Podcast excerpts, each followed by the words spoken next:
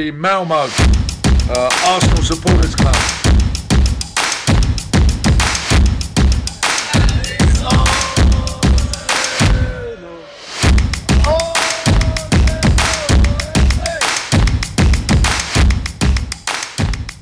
Ja, då vill jag hälsa er varmt välkomna till Arsenal Malmös podcast med mig Niklas Lindblad. Och idag har jag med mig en gäst från lilla London kan man ju säga. Arsenal Göteborgs och Arsenal Göteborgs podcast alldeles egna Filip Tolf. Varmt välkommen till, Göteborg, eller till Arsenal Malmös podcast. Jag kommer snubbla på de orden känner jag idag, men varmt välkommen. Tackar, tackar, tackar, tackar. Um, skitkul att vara här. Jag är svintaggad. Jag, Härligt. du, du nämnde Arsenal Göteborg nu, Arsenal Göteborgs podcast. Det är ju Yes. min podcast. Eh, du frågade mig om jag ville vara gäst här och då var jag ju svinglad och jättetaggad och så kollade jag så här. Det här är första gången någon har frågat mig att vara podcastgäst. Gäst. Jag har spelat in typ 250 poddavsnitt och nu äntligen, nu lossnar det Niklas. Nu, nu först efter 250 avsnitt så blir jag liksom tillfrågad och det här är första gången så jag är taggad till tänderna. Ska bli svinkul. Kul att Härligt att här. Jag är höra. jätte, jättetaggad att vara här. Ja, ja, men kul att höra. Ja, och jag var ju faktiskt inbjuden till eh, din podcast i, eh, i somras, i augusti någon gång tror jag. Just det. Eh, just så att det. jag var ju tvungen, kände jag, att bjuda igen också, givetvis. Kände Men du nu- att du var tvungen att bryta igen eller var det Nej. så här, eller mest att det var kul, eller var det så här, åh, du vet när man får ett Nej. julkort av någon som man egentligen inte, men så tänker man, ah, ah, jag får skicka ett tillbaka då, för jag fick ju trots allt av dem. Som kommer fram i mellandagarna också, lite Ja, ja, precis, precis. Ja. Åh nej, jag fick ett julkort av dem, jag har inte skickat till dem. Åh, jag får skriva fort, fort som fan och lägga på lådan. Var det så det Precis. var, eller kände du så här? Nej, jag Nej. kände verkligen, nej, men jag tyckte vi hade bra surr då, så jag tänkte Ja, det hade att det var säkert bra, bra surr även nu. Ja, det är sant. det tror jag, så att absolut, nej, det var absolut inte påtvingat från mitt håll. Det ska bara bli roligt. Jag är jätteglad att du är här, Filip. Det ska bli skitroligt Mm, att kul, snacka kul. Lite, lite Arsenal, så här mitt i julstöket. Som det kanske är. Mm. Har Har, du du kommit mycket- i ordning? Eh, alltså, vi kom i ordning lite väl tidigt, jag och min sambo. Min sambo... eh, hur mycket tid har du Niklas? Har du tid för ett snabbt sidospår? Snabbt sidospår har vi tid Ja. med. Bra. Eh, min sambo, som är lite rastlös i själen ibland, så när hon får en idé, då är det det som gäller och ingenting annat. Så hon fick för sig sista helgen i november redan att smacka upp julgranen och pynta och allt sånt. Så från, inte ens början december, utan från typ slutet av november så har vi haft full julmundering här hemma. Eh, du vet, hon har bakat och sådär, så hon har redan nästan hunnit äta upp allt vi har bakat en gång för att sedan nu måste baka en gång till. Ehm, men det är nästan fråga- färdig med hela julen ju. Ja, ja, ja, visst. Vi har redan firat jul. Det här blir jul Ja. 2.0 liksom, som kommer nu på, nu på fredag. Men vad är Vi kör med genrep. där? Vad sa Ja, du? eh, pre- precis. Nej, vad är din åsikt i det där? För jag hade en längre diskussion med min familj om det, det här med julgran. Det är ju, Mm. eh, så här, enligt traditionen ska det ju vara att den ska inte vara uppe innan, alltså innan julaf, eller den ska vara uppe dagen innan julafton och den ska inte tändas innan det och sådär och sådär. Vad, vad tycker du om det? Hur gör ni i er familj? eh, nu när jag har egna barn så har ju vi, nu är de ganska små fortfarande, så detta kanske är sista året, har vi faktiskt haft en sån plastgran och för deras skull har vi satt upp den typ till första advent. Men om Mm. man backar steget till den familjen liksom, som jag hade när jag var liten, då var det alltid julgran in lilljulafton. Och så tände man den då på kvällen. Och så gärna en så här julskinksmacka till det. Det var liksom traditionen. Exakt, exakt. Det var traditionen och min bror, som jag ofta nämner i Arsenal Göteborgs podcast, och refererar of- ofta till min bror, så jag gör väl det här också då. Han är ju stenhård sådär, nej, det kommer inte in någon granfan i min lägenhet innan 23 december. Um, Men bara vi skit då- också. vad sa du? Det barrar ju bara och skit också. det Ja, det är precis, det så det blir stökigt och så. Men ehm, långt svar på en kort fråga. Jo, men jag är redo för jul. Vi har varit det sedan i slutet av november, så vi har redan firat jul typ en gång, så nu är vi redo en gång till här. Hur är det med er? Nej, men vi är nog... Jag ska ha en julklapp som jag ska hämta ut eh, idag eller imorgon bara kvar. Sen är vi också ganska redo faktiskt. Så att det, är, det är julpyntat och allting. Det är skinkan som ska in imorgon i ugnen då. Annars så är det klart. Så det känns jätteskönt faktiskt. Har du köpt lotter till uppesittarkvällen? Det är också en viktig tradition. Bingolotter, jajamensan. Mycket bra. Mycket Det är också bra, en tradition. Jajamän, Så att, julölen är inhandlad. Så att, jo, nej, allting är faktiskt ganska lugnt just nu. Och det känns jävligt Ja, skönt. Så man kan ha tid att sitta och snacka lite Arsenal istället. Så det känns bra att vara riktigt laddad. Är det inte alltid så i livet att hur stressigt och jobbigt man än har med jobb och skola och jul och sånt, så hittar man alltid lite tid att prata Arsenal? Jo, Det det, gör man ju. Det är Ja. jäkla gött. Framförallt, det är väldigt smidigt också i december, för det är alltid mycket matcher. Eh, faktiskt. Så att trots att vi inte spelar i Europa i år så är det ju ändå mycket matcher i hela december. Så att det hittar man alltid tid till. Absolut. Det är underbart. Det är det verkligen. Eh, Men jag tänkte bara rulla igång lite, men vi brukar alltid ha eh, tre frågor som vi ställer till eh, när vi har Mm. nya gäster i podden. Så givetvis ska du få besvara på dem också. Och den första är ju när och varför det blev Arsenal för dig. Ehm, när 1998 eh, och varför? Uh, vill du ha lång eller kort historia? Jag vill ha den bästa historien, Filip. Den bästa historien. Just det, det är inte alltid säkert den längsta är den bästa. Fråga bara de som har sett The Irishman som är tre och en halv timme lång. Uh, nej men så här är det, uh, när jag var åtta år där någonstans så kom jag på att fan så här, sparka på en fotboll, det är ju jävligt kul, alltså riktigt roligt. Kom jag på det någonstans. Uh, och sen är det så här, i den vevan, nu vet jag inte vad som kom först i den här hönan och ägget historien, men i den vevan i alla fall så köpte ju Arsenal Fredrik Ljungberg. Eh, Så det var ju mycket om Arsenal på nyheter och typ fotbollstidningar och i sporten och sådär och sådär, du vet. Så man blev lite här matad med Arsenal. Och mina kusiner på min mammas sida, hela den familjen håller på Arsenal, så jag fick det ju därifrån också. Så du vet, när jag började intressera mig och spela fotboll och tyckte det var jävligt skoj, så var det så här min kusin sådär. Ja, men du vet, du ska heja på Arsenal, för de, det är världens bästa lag. De är så jävla bra. Du ska hålla- hålla på, på Arsenal liksom. Och sen så såg man ju det i tidningarna och så tänkte man, fan det står ju om Arsenal i varenda tidning här och de vinner och, och så. Och han säger att de är bäst. Ja, men vad fan, då måste de ju vara bäst. Eh, så på det spåret är det. Ja, det är viktigt att man tar tillvara på de där, att man liksom fångar upp barn som har fotbollsintresse och ser till att de håller på rätt lag. Det är oerhört viktigt. Ja, precis, precis. Mm, Så, det måste och det vi här jobba försöker med. jag, ja, och det här försöker jag föra över på mina syster, systerdöttrar och även min systerson. Han är bara sju månader, men jag har börjat lite smått. Eh, säga Ja, att är Arsenal är, viktigt. bäst och när Arsenal spelar då får man äta chips och godis och det, det är det bästa laget eh, och så. Så att jag för, försöker föra traditionen vidare.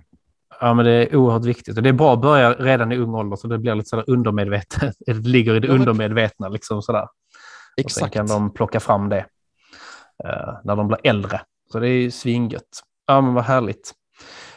Vad härligt. 98, det var ungefär Mm. där, då jag också började hålla på dem.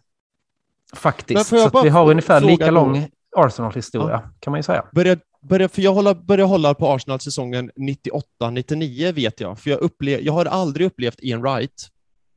Och Nej. första säsongen när jag hållde på dem, då var det den här uh, hemmatröjan med blåa liksom, ränder på. Det var inte den in, säsongen innan som bara var röd och vita ärmar. Uh, ärmar. Var det Nej, samma år för med- dig? mm. Eller upplevde du Ian Wright och den här rödvita? Med bara rött alltså. Jag började hålla, så- alltså, vi hade alltid så tips extra och sånt hemma, så jag har säkert sett dem, men när jag verkligen började hålla på dem, det var ju efter jag hade sett Bergkamp i VM 98. Så det måste ju vara säsongen 98-99 då, som jag verkligen såg att det blev mitt lag. Men jag har ju minnen av Ian Wright också, men det är väl för att vi har haft på liksom tipslördag, hette det väl då. Mm. Eh, så att jag har minnen av det, eh, eller av Ian Wright och den, eh, den dressen liksom. Men det är först den säsongen 98-99 som det verkligen blev mitt lag, eller vad man ska säga. Då är det samma säsong du, Ja. för dig och mig. Coolt, Det är det. coolt. Häftigt. Nej, det är en liten sorg jag har, bara om jag får snabbt säga. Det är en liten sorg jag har att jag aldrig fick uppleva Ian Wright. Liksom. Om jag bara kom på att det var jävligt kul att sparka på en boll ett år tidigare, då hade jag ju kunnat uppleva Ian Wright. Men, Mm. men. Men du har fått uppleva många andra bra fotbollsspelare. Det är sant. Det är Ja. sant. Det är sant. Och det leder mig faktiskt in lite på nästa fråga också, som är Ja. din favoritspelare nu och då. Men då kan du ju börja på då, om du vill. Eh, favoritspelare då? ehm, Eller egentligen Alltså genom det- alla tider blir det ju. ah, Men han får Ehm. inte spela i truppen idag. nej, jag förstår. Nej. Jag förstår frågan. Ja. Och Alltså min favoritspelare från dåtid är rätt och slätt Dennis Bergkamp. Han, eh, han är ju, han var, inte är, eller det är han säkert också, men han var ju så ofantligt sagolikt jävla bra. Jag sa i, eh, nu blir det mycket egoistiskt här att prata om min podcast inom citationstecken, men i förra avsnittet av Arsenal Göteborgs podcast så pratade vi om eh, Arsenal Leeds. Vi kommer säkert prata om den matchen senare, eh, Niklas, eller? Yes, absolut. Och då, gör ju, då ska jag gå händelserna lite i förväg och så säger jag en sån klassisk spoiler alert för er som inte vet. Eh, men då gör ju Ödegård till 4-1 målet till Smith Rowe, en sån här sån jävla snygg, du vet, chip, eh, djupledspass till Smith Rowe. Verkligen, man bara lättar, ja. lättar in den liksom. Precis, säga. precis. Och sådana passningar, det är, jag sa det i vår, vår podcast, det är det finaste, det är det bästa och finaste och vackraste jag vet på en fotbollsplan. Och vem var expert på sådana passningar? Jo, Dennis Bergkamp. Alltså han behandlar ju en boll. Jag vet inte om jag överdriver nu, Niklas. Du får väl säga till mig och ta en klunk öl och lugna ner mig i så fall. Men jag vet inte om jag överdriver nu, men alltså Dennis Bergkamp, jag sätter in han i, i samma kategori som Messi, Maradona, Ronaldinho, eh, någon mer kanske, i sättet att behandla en fotboll på. Håller du med mig om det? Ja, men absolut. Ja, alltså, det är min favoritspelare också. Det har jag sagt alltså, många gånger. Mm. Och han är, alltså han hade så, både, ja, hur han behandlar bollen, den tekniken han hade och liksom, alltså hans spelsinne var ju fantastiskt. Han såg ju liksom nästan som Özil, han såg ju passningsvägar som ingen annan såg. Liksom. Ja, det var out of this uh, world, att, liksom hans ja. teknik och sätt att behandla fotboll. Och som du säger, hans spelsinne, det är ju... Ja, det, det, ja. Nej, så han är min favoritspelare genom tiderna. Givetvis älskar jag Ljungberg då, för att han liksom var den första som fick mig in på Arsenal, men nummer ett mm. är eh, Dennis Bergkamp. Mm. Jag kan inte mer än hålla med. Utmärkt val. Tackar, tackar. Verkligen, tackar, tackar. verkligen. Nej, han, nej, där kan man alltid kolla eller läsa någonting om Dennis Bergkamp mm. så blir man alltid lite glad faktiskt. Ja, men så är det. Så är det. Ja, verkligen. Men i dagens trupp då? I dagens trupp, och jag vet ju här att vi tycker samma sak igen, i dagens trupp är det dagens nummer 10, Emil Smith Rowe. Um, kan, uh, han, inte för, riktigt för att han är liksom Bergkamp-typen, för om man ska säga Bergkamp-typen i dagens trupp, då är det Ödegård mer som har det här spel, mm. uh, skickligheten och tekniken med bollen och passningar och sånt. Men Smith Rowe, jag älskar hans uh, driv med bollen. Alltså när han har bollen, då ska bollfan gå framåt och ingenting annat. Och när han förlorar bollen, då ska bollfan tillbaka till rött lag och ingenting annat. Jag, jag älskar det drivet i fotbollsspelare. Eh, det var samma sak, jag kan ju nämna att Thomas Rusicki hade jag ju som favoritspelare, eh, alltså när han spelade i Arsenal. Mm. Där och då liksom. Och det var samma sak där, för att han hade sånt jävla driv. Bollen ska framåt, kan jag inte passa framåt? Nej, då får jag dribbla framåt. Kan jag inte dribbla framåt? Nej, då kan jag passa framåt. Och du vet, det är 110 hela tiden. Uh, så Smith Rowe i dagens trupp. Ja, men verkligen. Och de kan ju också liksom så här, alltså, de, de är ju, alltså man säger då, alltså Smith Rowe och även Rosicki, de är ju lite tekniker, men de har ju också det här lite grovjobbar eh, liksom i sig, att de kämpar också. Där kanske inte ja. var Bergkamps starkaste sida kanske sådär, men alltså så. Men jag gillar också det i honom. Det är en jävla fart och fläkt och ett jävla anamma hela tiden. Och han borrar bara ner huvudet. Han känns ju inte, nu har han varit bänkad lite, det känns inte som att han gräver ner sig för det, utan han är ju bara så, ja, när jag kommer in, då jävlar ska jag visa. Och det gör han ju typ varenda gång han kommer in också. Exakt, precis, precis. Och det tror jag, jag vet inte om vi kommer prata mer om det, det kommer vi säkert göra, men det tror jag, tycker jag är en styrka som Arteta har fått in i dagens Arsenal, att han liksom fått in det kollektivtänket. Och det låter som en jävla kliché, men det är, det är ju säkert lättare sagt än gjort att ni som sitter på bänken, ni är minst lika viktiga än de som startar, eh, startar varje match. Nu är, mm. nu är det på senare tid, eller Smith Rowe har fått suttit på bänken, men eh, det är som du säger, han, han verkar ju inte hänga läpp för det, utan han vet ju att det, eh, tar den för laget, jag sitter på bänken och så kommer jag in och avgör sen så kanske jag får starta nästa match och då är det jag som startar och han som sitter på bänken. Um, ja, nej, älskert. Ja, men verkligen det här kollektivet liksom och att ingen mm. surar för att man är bänkad, utan det gör man. Jag tror också det har att göra med att Arteta är väldigt bra med att motivera varför varje enskild spelare är bänkad i just den matchen eller varför man står över. Så har de en annan förståelse. Men det handlar ju om lag, fungerar ju så. Jag vet, det var mycket snack när Sverige vann U21 EM var det de vann, det var inte VM, nej det var EM. EM. Då Ja. pratade de ju skitmycket om att de hade världens, världens bästa bänk. För att ingen surade där och alla peppade. Jag tror det var han Kristoffer Olsson, också gammal Mm. Arsenal-snubbe. Ehm, som sa det, att där var det ingen som liksom grävde ner sig för att de satt på bänken, utan satt man på bänken och skulle man stötta laget och vara jävligt beredd på att eh, hoppa in. Och jag tror det är lite den känslan i Arsenal nu. Åtminstone är den känslan som, som kommer ut till oss i alla fall. Ja. Men det där är ju, känns som en jävligt svensk grej också, för om man ska dra... Är det VM i Laget Ryssland före 2000? jaget. Ja, jo, men exakt. Det är en sån supersvensk kliché. Men det, det som du säger nu är om u laget det var ju precis det de sa VM 2018. Ja, det var det. Mm. Eh, då sa ju Janne Andersson det, alltså straight forward, att vi i Sverige, vi kommer aldrig någonsin kunna vara bäst i världen på teknik. Vi kommer aldrig någonsin kunna vara störst och starkast i världen eh, och, så, och så vidare och så vidare. Men vad vi däremot kan vara bäst i världen på, det är lagsammanhållning och liksom ha det här lagtänket och ha, är man bäst i världen på det, då kan man också komma jävligt, jävligt långt. Mm, verkligen. Och det har ju Ja. bevisats många gånger liksom att det är men alltså, där, när, alltså kollektiv är bra liksom. Och motivationen där, om den är hög så kan den slå klass många gånger också liksom. Så att det är... eh, Mm. Det är min favoritklyscha i sport, motivation slår klass. Mm, ja, men den är faktiskt bra. Jag gillar den Ja. också. Tycker Jag sa är- det en gång slår till aldrig Peter- fel. Nej, jag sa det en gång till Peter Gerhardsson när han var gäst i eh, vår podd. Då blev han lite sur på mig, för han höll inte alls med mig. Nej, vad tyckte han Nej. då? Eller han tyckte inte alls Nej, han sa så här, men det kan du ju inte mena. Du kan ju inte mena att... eh, nu ska jag försöka... All respekt till Mjällby. Nej, jag skojar Mm. bara. Jag har ingen respekt för Mjällby. Men eh, du kan ju inte säga, typ sa han så här, att Mjällby, om Mjällby skulle möta Real Madrid och Mjällby skulle vara lite mer motiverade så skulle de ju eh, vinna.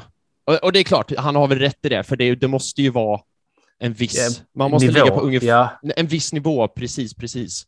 Ehm, ja, nej, men jag gillar den klyschan i alla fall. Sen kan Peter Gerhardsson, man behöver inte hålla med mig om det och vi håller inte med varandra där och då, men jag gillar den klyschan. ja. Och ni, men ni är vänner idag? Eller? Nej, jag skojar. Du, vi är bästa vänner idag, för Ja, fan, vi facetimar varje dag. det är bra, så att det inte blivit någon Ja. konflikt. Nej, nej, nej, nej. nej. Nej, men det är skitbra. Ja, nej, men jag gillar klyschor. Klyschor, det är faktiskt, de finns ju på grund av att det finns alltid en viss sanning i dem, brukar jag säga. Oh, ja. Faktiskt, faktiskt. Ja, men vad härligt, vad härligt. Ja, men Emil Smith Rowe, det är ju en gudabenådad fotbollsspelare. Så Mm. det är ju guld, verkligen. Härligt. Men sista frågan i våra introfrågor då är ju vad är det Mm. bästa med Arsenal Malmö?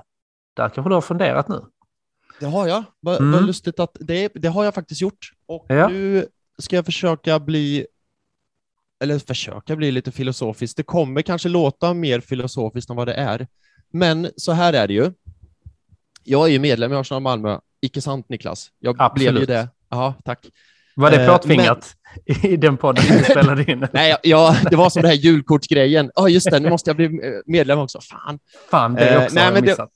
Ja, nej, men det var ju... Nej, men det är jag ju. Men grejen är att jag är ju en Utsocknes medlem. Jag är ju, sitter ju här i Göteborg. Jag har ju inte jättemycket kontakt med er i Arsenal Malmö. Liksom. Jag är ju aldrig på matchträffar där. Skärpning, Filip. Det borde jag göra någon gång. Allt så, så att jag ser ju Arsenal Malmö från far liksom och har ganska så här, äh, äh, vad heter det, helikopterperspektiv på det. Mm. Mm. Och då har min, min då bäst, tanke med Arsenal Malmö, det är så här. Det bästa med Arsenal Malmö från mitt helikopterperspektiv, så, det är så här att det verkar vara en sån Vänta, hur ska jag uttrycka mig så det inte låter fel? Det är, verkar vara en liten, god och glad förening. Och med det menar jag är att, och det här Niklas, ska du ta med dig till Arsenal Malmö, att det här ska ni vara stolta över och försöka ha kvar så länge som möjligt. Att det ska vara en liten, god och glad och så här familjär och hjärtelig förening. För allting som är bra kommer någon gång till slut att växa ur den kavajen eller så att säga. Det är typ som ett, en korvkiosk eller gatukök typ. Som är jätte, jätte eh, populär och bra sådär. Liten, en liten gatukök, korvkiosk. Nu kommer en av mina såna här liknelser som ni som lyssnar i Arsenal Göteborg vet att jag drar till ibland och ibland så lyfter de men ibland inte. Men i alla fall. Platt? Ja, alltså ibland så faller det så jävla platt. Men jag ska 15 försöka ro den här... tystnad bara. Mm. Ja, tack. minst, minst. Nej, men jag ska försöka ro den här i hamn. Tänk dig en liten gatukök eller så. Ja, korvkiosk. liten, det jobbar en korvgubbe där. Vi jobbar med korv, med, med korvkiosk nu. En liten Ja. korvgubbe där, man går dit på lunchen och du vet, man snickesnackar och man blir polare med den här korvgubben till slut. Och det är så jävla god korv. Och man bara går dit sådär, man går dit mest för att han är så trevlig och man får säga gött kött och så. Men det går så bra för den korvkiosken så att den måste växa och expandera och han måste anställa mer folk. Så när man går dit nästa gång så är det någon eh, random snubbe där. Så man bara, ja, hej, ja, jag känner inte dig, men jag tar väl en korv då bara. Så sitter man tyst och stilla och väntar. Och där har ju magin brutits. Korven är fortfarande god säkert, men magin har ju brutits, det här familjära, jättegoda, så. Och så går det ännu bättre, de måste expandera, du kanske öppnar ytterligare en korvfilial. Uh, och dit jag vill komma är att Arsenal Malmö känns som den här lilla, goa, familjära, glada korvkiosken. Uh, som inte har expanderat och blivit för stor än och tappat det här genuina. Hänger du med på min liknelse eller kommer det vara Absolut. 15 sekunder tystnad nu? Nej, nej, jag hänger med. Nej. Absolut. Vi har inte Eh. börjat med pulvermos än, utan vi gör fortfarande Ja, moset men precis, själva. precis sådär. Om man har lite gött snack och, och, och kött och skämt sinsemellan. Så det tycker jag är det bästa med Arsenal Malmö, att ni är som en liten korvkiosk. Jag fattar. Jag Ja, fattar. Och det är så jag tycker att det ska vara i en supporterförening. Även om Tack de blir fler så ska det liksom vara gemytligt. Alla är välkomna. Spelar ingen Precis. roll vem man börjar prata med eller var man sätter sig på våra träffar. Så ska det vara bra Exakt. och trevlig stämning. Liksom. exakt. Men när man växer och växer och det, för ryktet kommer ju spridas att Arsenal Malmö är ett gött ställe och vi har blivit medlem och så och så. Och man kommer, det här är ju till slut oundvikligt, så kommer man till slut växa ur den kostymen eller den korvkiosken eller och så vidare och så vidare. Eh, Så jag tycker att man ska behålla det och det tycker jag ni gör nu från mitt helikopterperspektiv så länge och så man kan liksom. För, nå- förr eller senare kommer man växa ur det. Eh, eller så kommer det typ korven ruttna och bli dålig. Mm. Ja. Jag får Ja, sluta med den där korvliknelsen, för jag tror du förstår. Eh, Jag så, fattar. ja. Jag så fattar där är det bästa med Arsenal och Malmö, att det är som en liten god korvkiosk. Ja, ja men härligt. Rolig och intressant, spännande liknelse. Tackar, tycker jag. Härligt. Härligt, härligt. Vi ska snart gå vidare och prata lite om eh, Leeds-matchen och Sunderland-matchen, men innan dess så ska vi få en liten julhälsning från Tony Kokkinos som är författare till Caviar and Sausages och som var gäst i podden tidigare under hösten. Hi, this is Tony Kokkinos, author of the book Caviar and Sausages Arsenal in the Time of Wenger, and you're listening to the excellent Arsenal Malmo podcast. Merry Christmas to all the Swedish Gooners. Enjoy the holidays, stay safe, and let's hope for a much better 2022, both on and off the pitch.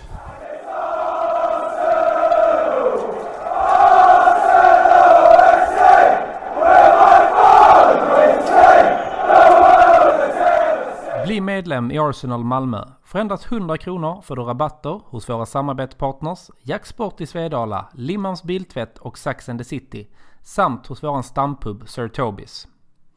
Vi har matchträffar varje match, ordnar några medlemsexklusiva fester under året samt medlemsresor till London. Så gå in på www.arsenalmalmo.se och läs mer om hur du gör för att bli medlem i Malmös enda aktiva Arsenalförening. Se också till att följa oss på Facebook där vi heter Arsenal Malmö, Instagram där vi heter arsenal.malmo och Twitter där vi heter Arsenal Malmö. Välkomna till Arsenal Malmö!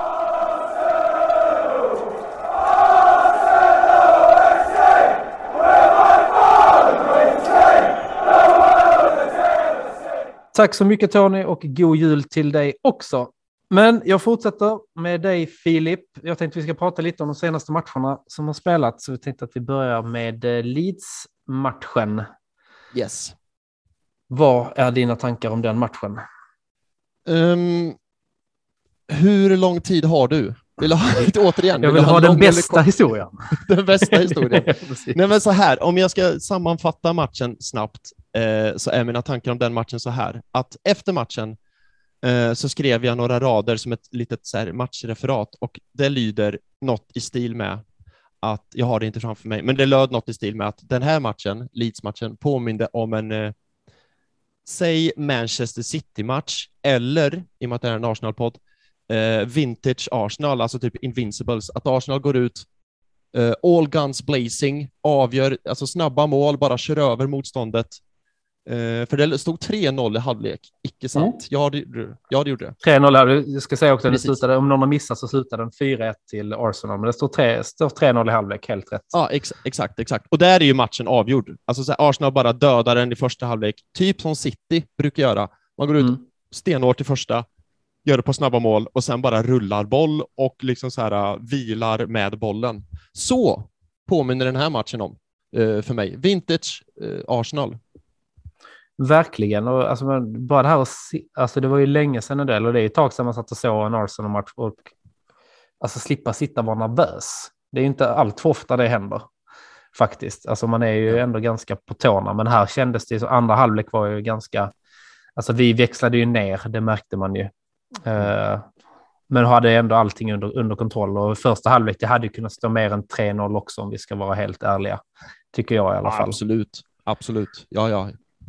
Men eh, nej, det är en riktigt bra genomförd fotbollsmatch. Och det är bra, jag fattar ju varför vi växlar ner. Det är ju en period vi går in i nu när det ska spelas enormt mycket matcher på kort tid. ja. Så att eh, gäller att ta chansen att vila. Precis. Ja, förlåt om jag avbryter, men jag vill bara förlida att vi ska ju växla ner. Alltså leder man med 3-0, då ska man ju växla ner. Det är dumt. Eller det är klart man sitter där i soffan och bara Åh, vi vill ha 10-0, vi vill ha 10-0. Men det, Mm. alltså, det ska man ju inte göra, utan växla ner, vila med boll. För som du säger, det är ju mycket matcher nu och då behöver man alla friska ben man kan få. Och det tror jag Leeds, om man bara ska snabbt prata lite Leeds här, Mm. de hade ju, för motargumentet man har hört från den här matchen var ju ja men Leeds spelar ju med B-laget, för de är bä, bä, bä, bä, bä. Arsenal vinner mot Leeds B-lag och firar. Alltså ett, ja men Leeds får fan skylla sig själva de spelar med B-laget för att de har ju inte lärt sig vila med bollen. För Leeds spelar ju 120 procent. Även om de leder med 5-0, då är det ju 120 procent bara bam, bam, bam. Det är klart som fan man får skador då liksom. Det är väl inte, Ja, det får de absolut. skylla sig själva. Och så, jag Och menar, sen- och vad, vad är det för argument också? Jag gillar inte det argumentet. Ja, men de hade ett dåligt lag. Ja, men det var ju det laget de ställde upp med. Det var ju det laget vi fick möta. Det kan man ju aldrig liksom hjälpa. Exakt, Alltså, nej men så, är precis. Vi, inte- ja, Man kan ju bara vinna mot det man möter. Sen om det är ett Ja. dåligt lag, ja, det är väl inte vårt fel att de är Nej, dåliga. Precis. Det var de som stod på menyn denna veckan. Liksom. Ja, och vi Vad mer ska man åter? Vi slafsar i oss dem. Om man ska Snabbt. dra menyreferensen ännu. Ja, Och sen satt vi och snackade skit lite på restaurangen och sen gick vi. ja, Tog en precis. kaffe och gick hem. Ja, Eh, ja. Nej, glada. exakt. Japp, japp, japp. Nej, men det är en bra, väl genomförd match. Man kunde verkligen sitta och slappna av och det var kul att se. Alltså, det är ju ett jäkligt ungt lag vi har som är riktigt, riktigt bra. Och Martinelli kommer in och gör det återigen. Bara sett Ja. två, två mål. Han gör de två första. Han gör de två första. Ja, Jajamän, precis. jajamän. Och sen är det Saka och sen är det Smith Rowe som sätter Ja. fyran. Att, Och eh, där, till den där fyran då, det är den jag pratar, assisten av Ödegård jag pratade om eh, tidigare. Och jag vet inte Ja. om vi snart ska lämna den här matchen, men innan vi gör det vill jag bara lyfta ett finger för Ödegård den här matchen som i, i vår podd eh, brukar vi alltid så här ta ut matchens lirare och sånt. Jag vet det var många som tyckte Martinelli var matchens lirare, men jag, eh, alltså jag lyfter ett finger för Ödegård i den här matchen. Han var, han var på spelhumör. mm. Han, han var på spelhumör. Satan i gatan vad bra han var. Han är ju med mycket i uppspelningsfaserna, Ja. alltså i de anfallen vi har när vi spelar riktigt bra fotboll. Så att eh, han kanske var värd mer än en assist igen. Hade det varit hockey hade han nog haft fler assister tror jag. Där man har varit, Ja, för- Second assist eller vad de kallar det. Precis, precis, för han får ju inte assist för 2-1 målet, va? För den framspelningen som man liksom drar, han står ju nästan på halvplan och bara så Mm. one touch emellan. Nej, där är någon annan som touchar den där innan den går fram. Ja, det, och det är ju jävligt synd, för den passen är ju också världsklass. Men, Precis. Eh, ja. Mm. Nej, så att han var väl eh, värd kanske mer, mer poäng. Men eh, man ska säga, om man har honom i fantasy eller någonting sånt så kanske man var besviken ja. Men då, ja, men då får man ju, hallå, kan man inte njuta av en 4-1 vinst för Arsenal? Det har man istället problem. sitta och svära över sitt fantasylag, då, då har man problem. Det har man verkligen. Ja, ja, ja. verkligen. Nej, men det var en härlig match. Jag var lite orolig inför den matchen på, på, på förhand, även om vi hade Mm. gjort det bra mot West Ham innan. Men alltså Leeds är alltid man vet, alltså är de på humör, de kan springa sönder många lag. Mm. Det kan de. Att, Men eh, du, på tal om det, alltså Leeds kan förstöra för några innan. Visst är det så, eller har fått det om bakfoten, att vi har mött Leeds jävligt mycket på senaste, eller? vi har väl mött, vi hade väl dem i eh, ligacupen i någon match, va? Tidigare i höst. Jag ska faktiskt kolla här, de fyra senaste matcherna. Vi har mött dem fyra gånger sedan eh, januari 2020. Ja, Ja, det kanske vi, hade inte är dem i så någon, mycket då. nej, vi hade dem i någon annan kupp också förra året. Det, det har varit mycket Leeds, men då var det hemma vi mötte dem där. Ja, då vann vi med 1 1-0 Lacazette, Ja. tror jag. Eh, jag om jag säger rätt. att det var Reece Nelson, vad säger du då? Som gjorde det målet? Ja, det är mycket Ja. möjligt att det var också. Ja. Ja. Jag trodde det var Eh. Lacazette, men ja, strunt samma. Nej, men så här, för vi brukar ju ha ganska lätt mot Leeds nu. Jag kollar på de fyra senaste matcherna, Mm. då är det tre vinster och en eh, oavgjord. Det är ett kryss på bortaplan, tror jag. Exakt, exakt. Det Vad som störde PP mig. Fick, ja, Det som störde mig. gjorde Det var mig det fick- osäker. PP skallade en gubbe och fick rött kort. eh, Just det. Ja. Ja, det är inte så jävla smart. Nej. Nej. Men, men. Men, men. Nej, men vi, eh, vi, gör- den matchen genomför vi riktigt, riktigt jäkla bra. Mm. Faktiskt. Att den, eh, jag tycker vi kan stänga den matchen så. Faktiskt. Det låter, Det det var låter en- bra. Det låter En bra. bra match. Och sen igår var det ju Sunderland i ligacupen, denna kvartsfinal. Och det skulle ju bara vara seger på förhand. Tycker jag. Och det blev det ju också. 5-1 Mm. till slut. Och Alltså det här är ju kul med Mm. Arsenal, bara om jag får säga, för jag vet inte hur... eh, För tidigare den här säsongen så har vi haft svårt för att göra mål. Icke sant? Alltså vi har Mm. vunnit med 1-0 kanske, Ja, det eller var ett 2-1 mycket- eller något sånt där. Ja, men just det som jag sa, man har aldrig varit riktigt liksom säker. Nej, Alltså sådär, det har eh, levt ända in tills eh, domaren har blåst av. precis. Men kollar man de senaste matcherna med Arsenal, nu var det ju 4-1 mot Leeds, nu är det, alltså nu är det Sunderland och spelar i League One, så att det League kanske One, man ja. får ta med en axelryckning, men det är ändå fem mål och matcherna innan det.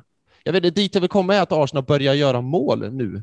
Mm, det är ju fan, det är 3-0 mot Southampton och så är det 2-0 mot West Ham, 4-1 mot Leeds. Att Arsenal börjar liksom lösa det offensiva spelet och kunna få bollen i mål. Det har man inte varit bortskämd med. Verkligen inte. Och 2-0 är ju ganska bra att göra 2-0 mot West Ham också matchen Mm. innan egentligen. Alltså så, de, Precis. det är ett bra lag.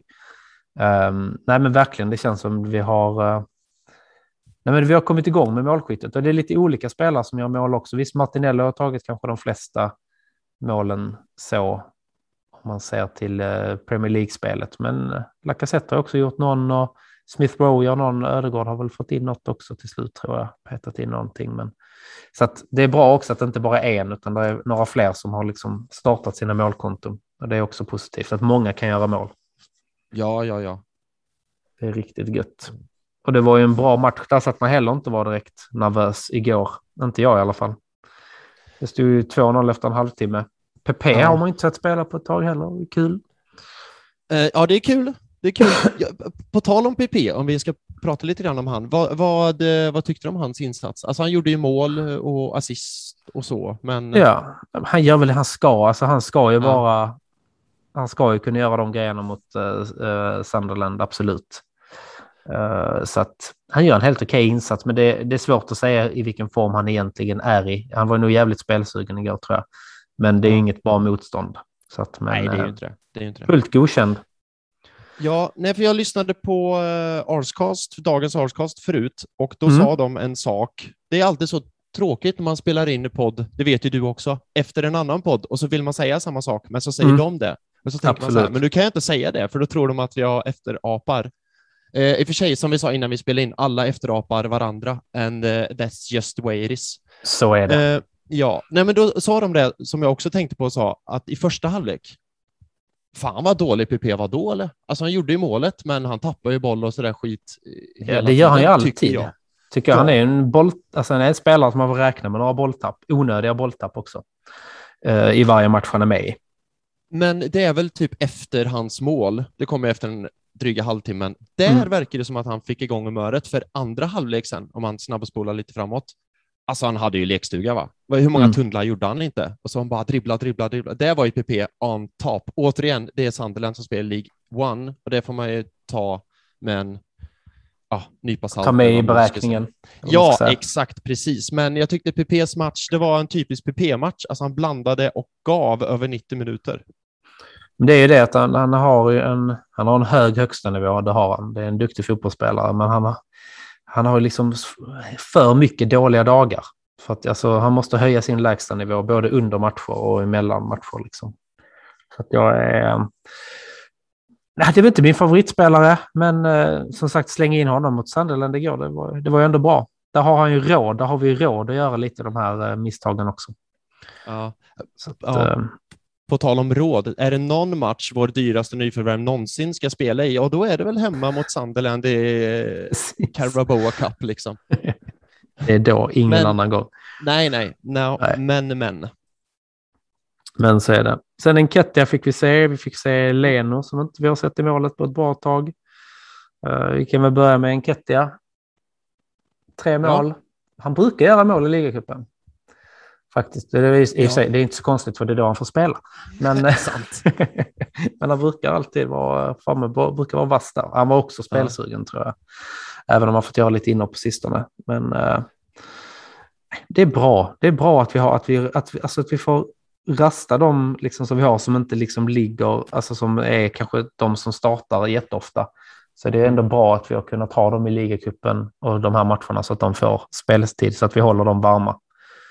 Tycker Ja. jag. Ja, eh, på, på tal om Enketia där. Nu är det ju lätt för mig att säga med facit i hand och klappa mig själv på axeln, men jag har alltid haft a thing för honom, för jag tycker han har en egenskap som inte många andra, eller det skulle vara Auba då, men det var ju länge sedan man såg det, men han har den här eh, rätt tid, eller rätt ställe på rätt plats. Och det är Ja, en bra placeringsförmåga. Exakt, exakt. Mm. Och det är väl en egenskap. Jag säger väl för att jag inte är så bra på fotboll. Jag vet inte riktigt hur det funkar. Men ni som vet kanske kan höra av er och berätta om det jag kommer säga nu är sant. Men det är väl en sån egenskap som man inte liksom går och tränar upp vidare mycket. Så här, antingen har man det eller så har man det inte. Och Enketia, han är, han är ju inte ligans bästa anfallare. Det är han inte. Men just den egenskapen tycker jag att han är bland de bästa i ligan. Och jag tycker det är intressant med Enketia nu, för han har ju, som du säger, han har gjort några inhopp i ligan och sådär, och nu startar han och gjorde hattrick. Jag tycker han har sett väldigt het och spelsugen ut den här säsongen. Och det är väl för den här uh, ny, nya kontraktsituationen som man ser hos alla spelare. Så fort det ligger ett nytt kontrakt på bordet, antingen i Arsenal eller någon annanstans, för jag menar, förlänger han inte hos Arsenal måste han visa framfötterna för någon annan klubb som vill ha honom. Då är är det. spelare som, ja, då är ju spelare som bäst alla Özil före kontraktet, alla Mm. Auba före kontraktet och exemplen går ju dra hur många som helst. Men Ja, ja. så jag gillar det jag ser av Enketia den här säsongen, men det är, ja, sen framtiden får väl utvisa om det blir mer i Arsenal eller inte. Han är ju inte tillräckligt bra. Säg så här, Auba kommer gå i januari, låtsas vi. Lacazette låtsas vi kommer gå eh, i sommar. ja man bygger ju inte det kring en Kettia då. Där måste man ha Nej. in någon. Precis, han är inte tillräckligt bra för att vara startstriker i Arsenal, 38 matcher per säsong. Men man kanske, om man kan locka honom med att vara andra val, alltså komma Mm. in, sp- spela cupmatcher, hoppa in lite då och då. Eh, jag vet inte om det, om det skulle vara något sånt. Annars måste man köpa två nya strikers. Och, Precis. ja, jag vet inte. Jag tror det har, ju- kommer att göra med mycket där det är om vi spelar i Europa nästa år. För då vet han på Mm. automatik att han kommer få fler matcher nästa säsong än vad han kommer ha när vi sammanfattar denna säsongen. Just det. Eh, Så där tror jag, men som sagt, jag tror ändå han vill nog vara kvar. Han är inte jätte, han är inte jättegammal han heller. Va? Vad kan han vara? 21, 22 år där någonting? Vad kan han vara? Han är 23 faktiskt. 23, han är så, ja, han har varit med länge. Mm. Ja, men han kan nog ge ett år till av sin karriär tror jag. Kanske. Annars måste vi ha in två nya känns det som, precis som du säger. Ja, för grejen är att hans kontrakt går ju snart ut och det här kanske jag borde googla lite snabbt eller så, men jag vet inte om det är nu till sommar eller alltså om man har sex månader kvar eller tolv månader kvar. För det, i vilket fall som helst så går det snart ut. Ja, det är måste, 12 alltså, ja, ett beslut måste ändå tas liksom. Ja, precis. Så ja, nej, men det, det ska bli spännande att se vad som händer. Men jag, alltså rent krasst, han gjorde en jättebra match. Alltså han gjorde hattrick, det är klart han gjorde en bra match. Eh, och jag gillar vad jag sett av honom den här säsongen, för han har det vi pratade om tidigare. Han har hungern, han har drivet, han liksom har glöden. Verkligen, verkligen. Och det är, eh, det är bra att ha, som vi var inne på innan, har man en hungrig bänk liksom, som vill väl och inte grinar ner sig, utan bara borrar ner huvudet och kör när de kommer in, då, eh, då kan det bli riktigt bra. Då är det bra stämning i laget också. Ja. Så Men, verkligen men härligt. återigen, jag vill bara styrka så ingen eh, hoppar på mig och börjar reta mig. Jag har en Enketia är ligans bästa striker. Det säger jag inte, utan jag säger att han är kanske i ligans bästa på den här egenskapen. Eh, men att han inte är tillräckligt bra för att vara första val, första striker i Arsenal. Så nu fick jag det sagt också. Härligt, tydligt och bra. Ja, tack. Mycket bra, mycket bra. Sen har vi ju den gode Leno som Mm. man eh, trodde skulle vara given första målvakt denna säsongen. I somras i alla fall trodde jag det, Mm, men mm. eh, så har det inte blivit. Men han, han sätts ju inte på några större prov egentligen under matchen. Han har ju ganska bra koll på det. Ja, jag försöker tänka igenom, har Sunderland, de får ju målet då, Mm, men där tycker jag, där är det ju mest slarvigt försvarsspel och eh, jag tycker inte man kan hänga ut Leno för det målet på något sätt. Nej, det är inte hans Eh, mål så att säga. Nej, och sen får han gå ut och plocka några, plocka några inlägg, plocka några hörnor, han gör väl någon räddning, men det är som du säger, han ställs ju inte på jättemycket prov. Så. Nej, det gör han inte. Så att, eh, det, det ska ju inte, vem, vilken Nej. målvakt jag än hade haft igår så ska ju inte den målvakten behöva göra det. Eh, och det är väl bara att hålla honom varm också. Men jag, han, han är också en sån egentligen som borde skrika högt att han borde vara första målvakt, han borde vara given. Men han har ju varit helt tyst under den här perioden. Liksom. Han har ju Ja. accepterat att han är tvåa på något sätt. Vad, vad tycker du om det? Är det tycker du att så här, alltid att han är en bra truppspelare, han är en bra la, lagspelare som accepterar sin roll eh, och det är positivt? Eller tycker du så här att vad fan, varför eh, slåss han inte mer för sin roll? Och det kanske han gör, fast vi inte vet det. Men det, eller jag vet inte, jag tycker på något sätt Jag att tycker det signalerar tror- Alltså, dålig mentalitet på något sätt. För man tycker att det är så mycket som sipprar ut och skrivs nu för tiden. Mm. Så hade han liksom varit förbannad och så över att ha tappat sin plats så borde man sett det. Nu är det så här, okej, jag är tvåa, eh, bla bla bla. Jag tror inte han är nöjd över att vara tvåa, men eh, för jag tror att han kommer nog vilja gå för att spela. Jag menar, han är ju tysk landslagsmålvakt för crying out loud. Han ska ju inte Mm. sitta på en bänk och spela cupmatch mot Sunderland liksom. Nej, det är han ju för bra för. Men samtidigt tycker ja. jag, jag hoppas att han inte är nöjd. Att han liksom ändå, liksom, nej men jag ska ta den här platsen tillbaka. Så bara han har den inställningen, sen att inte det kommer ut till media är egentligen bara bra. Ja, För sant då har vi inte de här liksom tråkiga skriverierna som, som, som det blir. Så, så länge han inte är nöjd och ändå kämpar på. Och jag tror inte Ramsdale hade haft den utvecklingen heller om han inte hade haft lite blåslampa bakifrån. Att han kan bli fråntagen första målvakten ganska snabbt. Jag tror ju på den här konkurrensen att man aldrig ska vara... Man ska alltid ha en liten blåslampa där bak, även om man startar varje match, för att där, där finns hungriga spelare bakom. Det tror jag, 100, jag skriver under på det, 120 procent. Det tror jag också. Ja, det tror jag också. Så att eh, jag tror inte han är nöjd med där han sitter, men eh, jag tror han kanske vill ha, jag tror han vill bevisa både för sig själv och supportrar och ja, alla runt omkring att han, jag tror det är någon slags tysk mentalitet. Har man tappat någonting så ska man ta det tillbaka liksom. Ja, men, ja, precis. Och det tror man ju hoppas att det är så. Men jag tycker inte man ser eller upplever det på något sätt. Nej, Jag, vet- jag vet inte. Det, han känns, sorry saying it, men Leno känns lite mesig. Ja, jo, det det, försöker jo, han, det är inte Lehmann. Liksom. Det är Nej, det inte. Alltså, det liksom det där. Men han har alltid varit lite av en vad ska man säga, Iceman. Alltså även på planen när det har hettat till. Han har ju aldrig, det är ingen Xhaka som går fram och tar ett stryptag liksom, eh, på motståndaren, utan han är alltid ganska kylig. Så jag tror att han, alltså, han har någon taktik eller någon teknik och håller känslorna inombords. Liksom.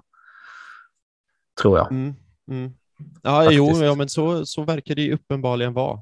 Ja, Ja, spännande eh, att som sagt se vad som händer med Leno, för jag, han ska ju inte vara nöjd av att sitta på bänken när han är landslagsmålvakt. Liksom, så. Nej, Men eh, verkligen det är inte. också en sak framtiden får utvisa, I guess. Verkligen, så är det ju. Så att, eh, ja, vi får se vad som händer där. Men sen är det en annan spelare vi fick se äntligen. Det var ju Patino, om man uttalar så, Charlie. Den unga Jo. Mm. nummer 87 som kommer in och gör mål som sägs av de som kan och vet mer än du och jag, eller på att säga, ska vara den bästa som har gått in genom dörrarna till vår akademi. Um, det känns också spännande att han fick komma in och göra mål. Ja, ja. Um, följer du U21 eller U23 vidare mycket, Arsenal? Ja, jag brukar läsa om hur det går för dem och liksom Ja. kolla lite på spelarna där. Ibland visar de lite matcher också, både på arsenal.com och eh, på YouTube går det vissa matcher när de möter andra lag. Så att eh, lite kollar man ju. Mm. Men eh, jag kan inte... Jag ser de flesta dammatcher, de flesta herrmatcherna, så att det hade väl blivit problem på hemmafronten om man hade smält in u allt för mycket också. Men Just man det, läser ju om de här och man liksom, det går ju mycket rykten om honom, liksom att han är, alltså kan bli riktigt bra. Så att det, var, det var kul att se honom, det var kul att han fick, fick göra mål. Enormt häftigt. Ja. Ja, ja, jag instämmer på allt. Han är ju, ska ju vara en dunder, dunder, dunder talang och jag alltså, kollar ju inte på alla U23 eller U21-matcher heller så ut, men jag försöker läsa och liksom följer på Twitter och sånt. Men alltid då så är det ju, vad man har förstått, alltså highlights och mål och sånt. De snyggaste och bästa målen ligger ju Patino bakom. Men Mm. å andra sidan ska man komma ihåg, om jag får en liten snygg segway, en annan spelare som spelar mot Sunderland, Balogun, Balogun, Balogun, eller om man nu ska Ja. uttala det. Han har ju också liksom exploderat U21, U23. Där är han ju överdrivet, överdrivet bäst. Men Ja. här mot Sunderland, han såg ju ut som en pojkspoling liksom. Eh, så att steget, dit jag vill komma är att steget U23 till herr A-lagsfotboll, det är så jävla stort. Ja, ja, han har en lång Eh, väg kvar att gå. Det räcker inte med att vara absolut. talang heller. Alltså så. Nej, det är, nej. Och han måste börja komma in med att kolla på Saka och Emil Smith Rowe. Det har ändå tagit några år där de har varit med och skvalpat lite så här, kommit in i ligacupen och det är först nu de verkligen liksom är och tar för sig och är någonting. Ja. Och de är väl 21, 2021 va? Så att han har ju några år Jo. kvar innan för att ta det där steget. Om han tar det. Det är jättemånga som varit hur stora talanger som helst. Sen händer någonting, man får inte den utvecklingen man tror, man blir skadad och sen spelar man i League One istället. Så Ja. det, är, det är många hinder kvar på vägen. Ja, Men så det ska bli Och kul att följa honom. Ja. ja, det ska det verkligen. Alltså, Som sagt, superduper talang. Eh, Så det ska bli väldigt intressant att se. Och han är, som du säger, det ska vara den bästa, den bästa av de bästa. Eh, Så jag tycker han var bra när han kom in. Liksom. Han spelade säkert, han gjorde mål för guds skull, Eh, spelade säkert, liksom, gjorde inte bort sig på något sätt. Så nej, det ska bli väldigt, väldigt intressant att se hur det artar sig. Verkligen, verkligen. Nej, det, ska bli, det ska bli kul att följa både honom och Arsenal. Mm. Men eh, innan Filip vi går in och pratar lite och försöker summera hösten så tänkte jag Ja. att vi skulle få höra på vad Anders Jansson säger om Arsenal den senaste tiden. Hej alla Arsenal Malmö-människor! Carry on you Gunners! Arsenal, Arsenal! Hej och god jul från mig Anders Jansson eh, i Lund faktiskt. Det här är dagen efter matchen mot West Ham så att jag är på topphumör tack vare Martinelli och Smith Rowe och hela laget. Som ju gjorde en fantastisk insats. Kanske en av de bästa under Arteta. Men vi har ju många matcher att se fram emot eh, nu under julhelgen. Eh, och det ska bli väldigt spännande för att jag har en enorm tro på detta laget. Vi har en bit kvar att gå och det är en bit kvar till, eh, upp till den riktiga toppen. Men nu ligger vi på fjärde plats. Och jag känner att Arteta gör ett bra jobb och nu ska vi bara göra oss av med lite fler spelare och kanske få in någon duktig forward och sådär. Sen är vi riktigt på G. Men vilken framtid vi har och vi har en snittålder på 12 i laget ungefär. Men många unga spelare som är helt otroliga. Vi får aldrig ta dem för givet. Saka, Smith Rowe, Martinelli, Ödegård, det är bara 22. Ramsdale 23. Detta är ett fantastiskt gäng med en härlig attityd och en god inställning. Så jag tycker vi ska vara riktigt glada för detta Arsenal. Så att ha en god jul och njut i denna stunden för den 1 januari. Då möter vi Manchester City. Yes, då är vi tillbaka Filip. Vi har ju sagt här innan att vi började ju lite när jag var gäst i din podcast så pratade vi mycket om förväntningar och förhoppningar inför höstsäsongen. Jag tänkte att vi skulle försöka summera hösten lite och framförallt Yes. ta fram kanske höstens bästa spelare, bästa värvningen och lite vad som varit höstens match. Men eh, jag tänkte att du fritt ska få börja med om du vill bara summera hösten. Hur tycker du att Arsenal har sett ut från premiären i augusti fram till idag? Ja du, premiären i augusti, om vi spolar tillbaka dit, det var ju en mörk, deppig kväll som jag helst inte vill återvända till. Men nu Niklas sa du att jag skulle göra det, så jag får väl göra det. Eh, nej, men de här tre första matcherna, det var ju Brentford, Chelsea och City. Yes. De matcherna eh, brukar vi i vår podd, min podd Arsenal Göteborgs podcast, referera till som försäsongsmatcherna. Eh, för det var ju så fruktansvärt kast och dåligt liksom. Och nu ska vi inte riva upp de här gamla såren, men jag gör det ändå. Om ni minns, efter de första tre omgångarna, då låg vi sist. Vi hade inte Ja. gjort ett enda mål och vi hade typ minus 3000 i målskillnad, Mm. något sånt. Och, men vi behöver inte nämna vilka som ledde, för så långt ska vi inte gå. Men Nej, vi det ska ju vi absolut inte. Nej, det ska vi inte gå. eh, men vi låg ju sist och det var så jävla uruselt dåligt alltihop. Liksom. Men sen kom ju tio, rätta mig om jag har fel, men tio matcher utan förlust, va? Det var mest vinster, någon oavgjord, till exempel oavgjord. Brighton, till exempel Palace. Men, mm. Och då började det ju se väldigt, väldigt bra ut. Alltså tio matcher utan förlust, det är ju bra. Ja, absolut. Eh, Tar man ju. Precis. Och sen så kom två stycken verkligen bumps in the road. Det var ju torsken borta mot United, en match vi borde och skulle vunnit, för vi var bättre. United är skit. Och det var borta mot Everton, en match vi borde vunnit. Om inte vi var skit, för den matchen var det vi som var skit. Mm, faktiskt, Och- och framförallt i Everton- andra. Exakt, precis. Och de två matcherna får mig fortfarande att ligga sömnlös om nätterna, typ. För hade vi bara kanske inte vunnit båda, men kanske fått tagit fyra poäng på de två matcherna, då hade vi nästan varit uppe i serieledning. Inte riktigt, men nästan. Mm. Ehm, och sen efter de två matcherna så har vi repat oss bra, som vi är inne på. Vi vann ju mot Southampton, West Ham, eh, vann ju mot Leeds, eh, vann nu i kuppen. Glömde någon match? Nej. Nej, West Ham, Leeds och Sunderland sa det, va? De senaste. Eh, ja, så, precis. Ja. Så om man ska summera det på något sätt så är det väldigt, väldigt, väldigt djupa dalar med de tre första matcherna och de här två United-Everton. Men i övrigt så har det sett förvånansvärt väldigt, väldigt bra ut. Det har liksom varit en väldigt hög nivå med riktiga, riktiga, riktiga djupa dalar. Mm. Så. Ja, verkligen. Men Jag håller med. Alltså, första tre matcherna, det är, liksom, det är bara att glömma. Det är bara Ja. resetta och, och börja om. Liksom. Och det gör vi också på ett bra sätt. Jag tycker vi har fått till försvaret så katastrofalt dåligt ut. Alltså den matchen mot City, det var ju, alltså, det var ju pinsamt. Mm. Det har vi Mm. fått ordning på. Vi har faktiskt spelat riktigt bra. Alltså vårt hemmaspel är riktigt bra. Det är väl bara Chelsea vi har förlorat mot hemma, va? Nej, det måste vi Hemma- glömma bort. Hemma, Nej, hemma förlorar vi mot Chelsea. Hemmaspelet Ja. är vi näst, näst bäst i ligan. Det är Ja, men det är väl den enda matchen vi har förlorat hemma, va? Japp, Annars Ja, har vi tagit stämmer. poäng i alla. Mm. Även den var matchen, nära Niklas, det var ju på-. Det, Det var, var ju på försäsongen. Ja. Jajamän, så den räknas Absolut. inte. Den räknas inte. Nej, Nej. precis. Nej, men det har vi förändrat. Alltså, jätte, alltså, det, man, det känns som vi har ett jävligt högt självförtroende när vi spelar hemma.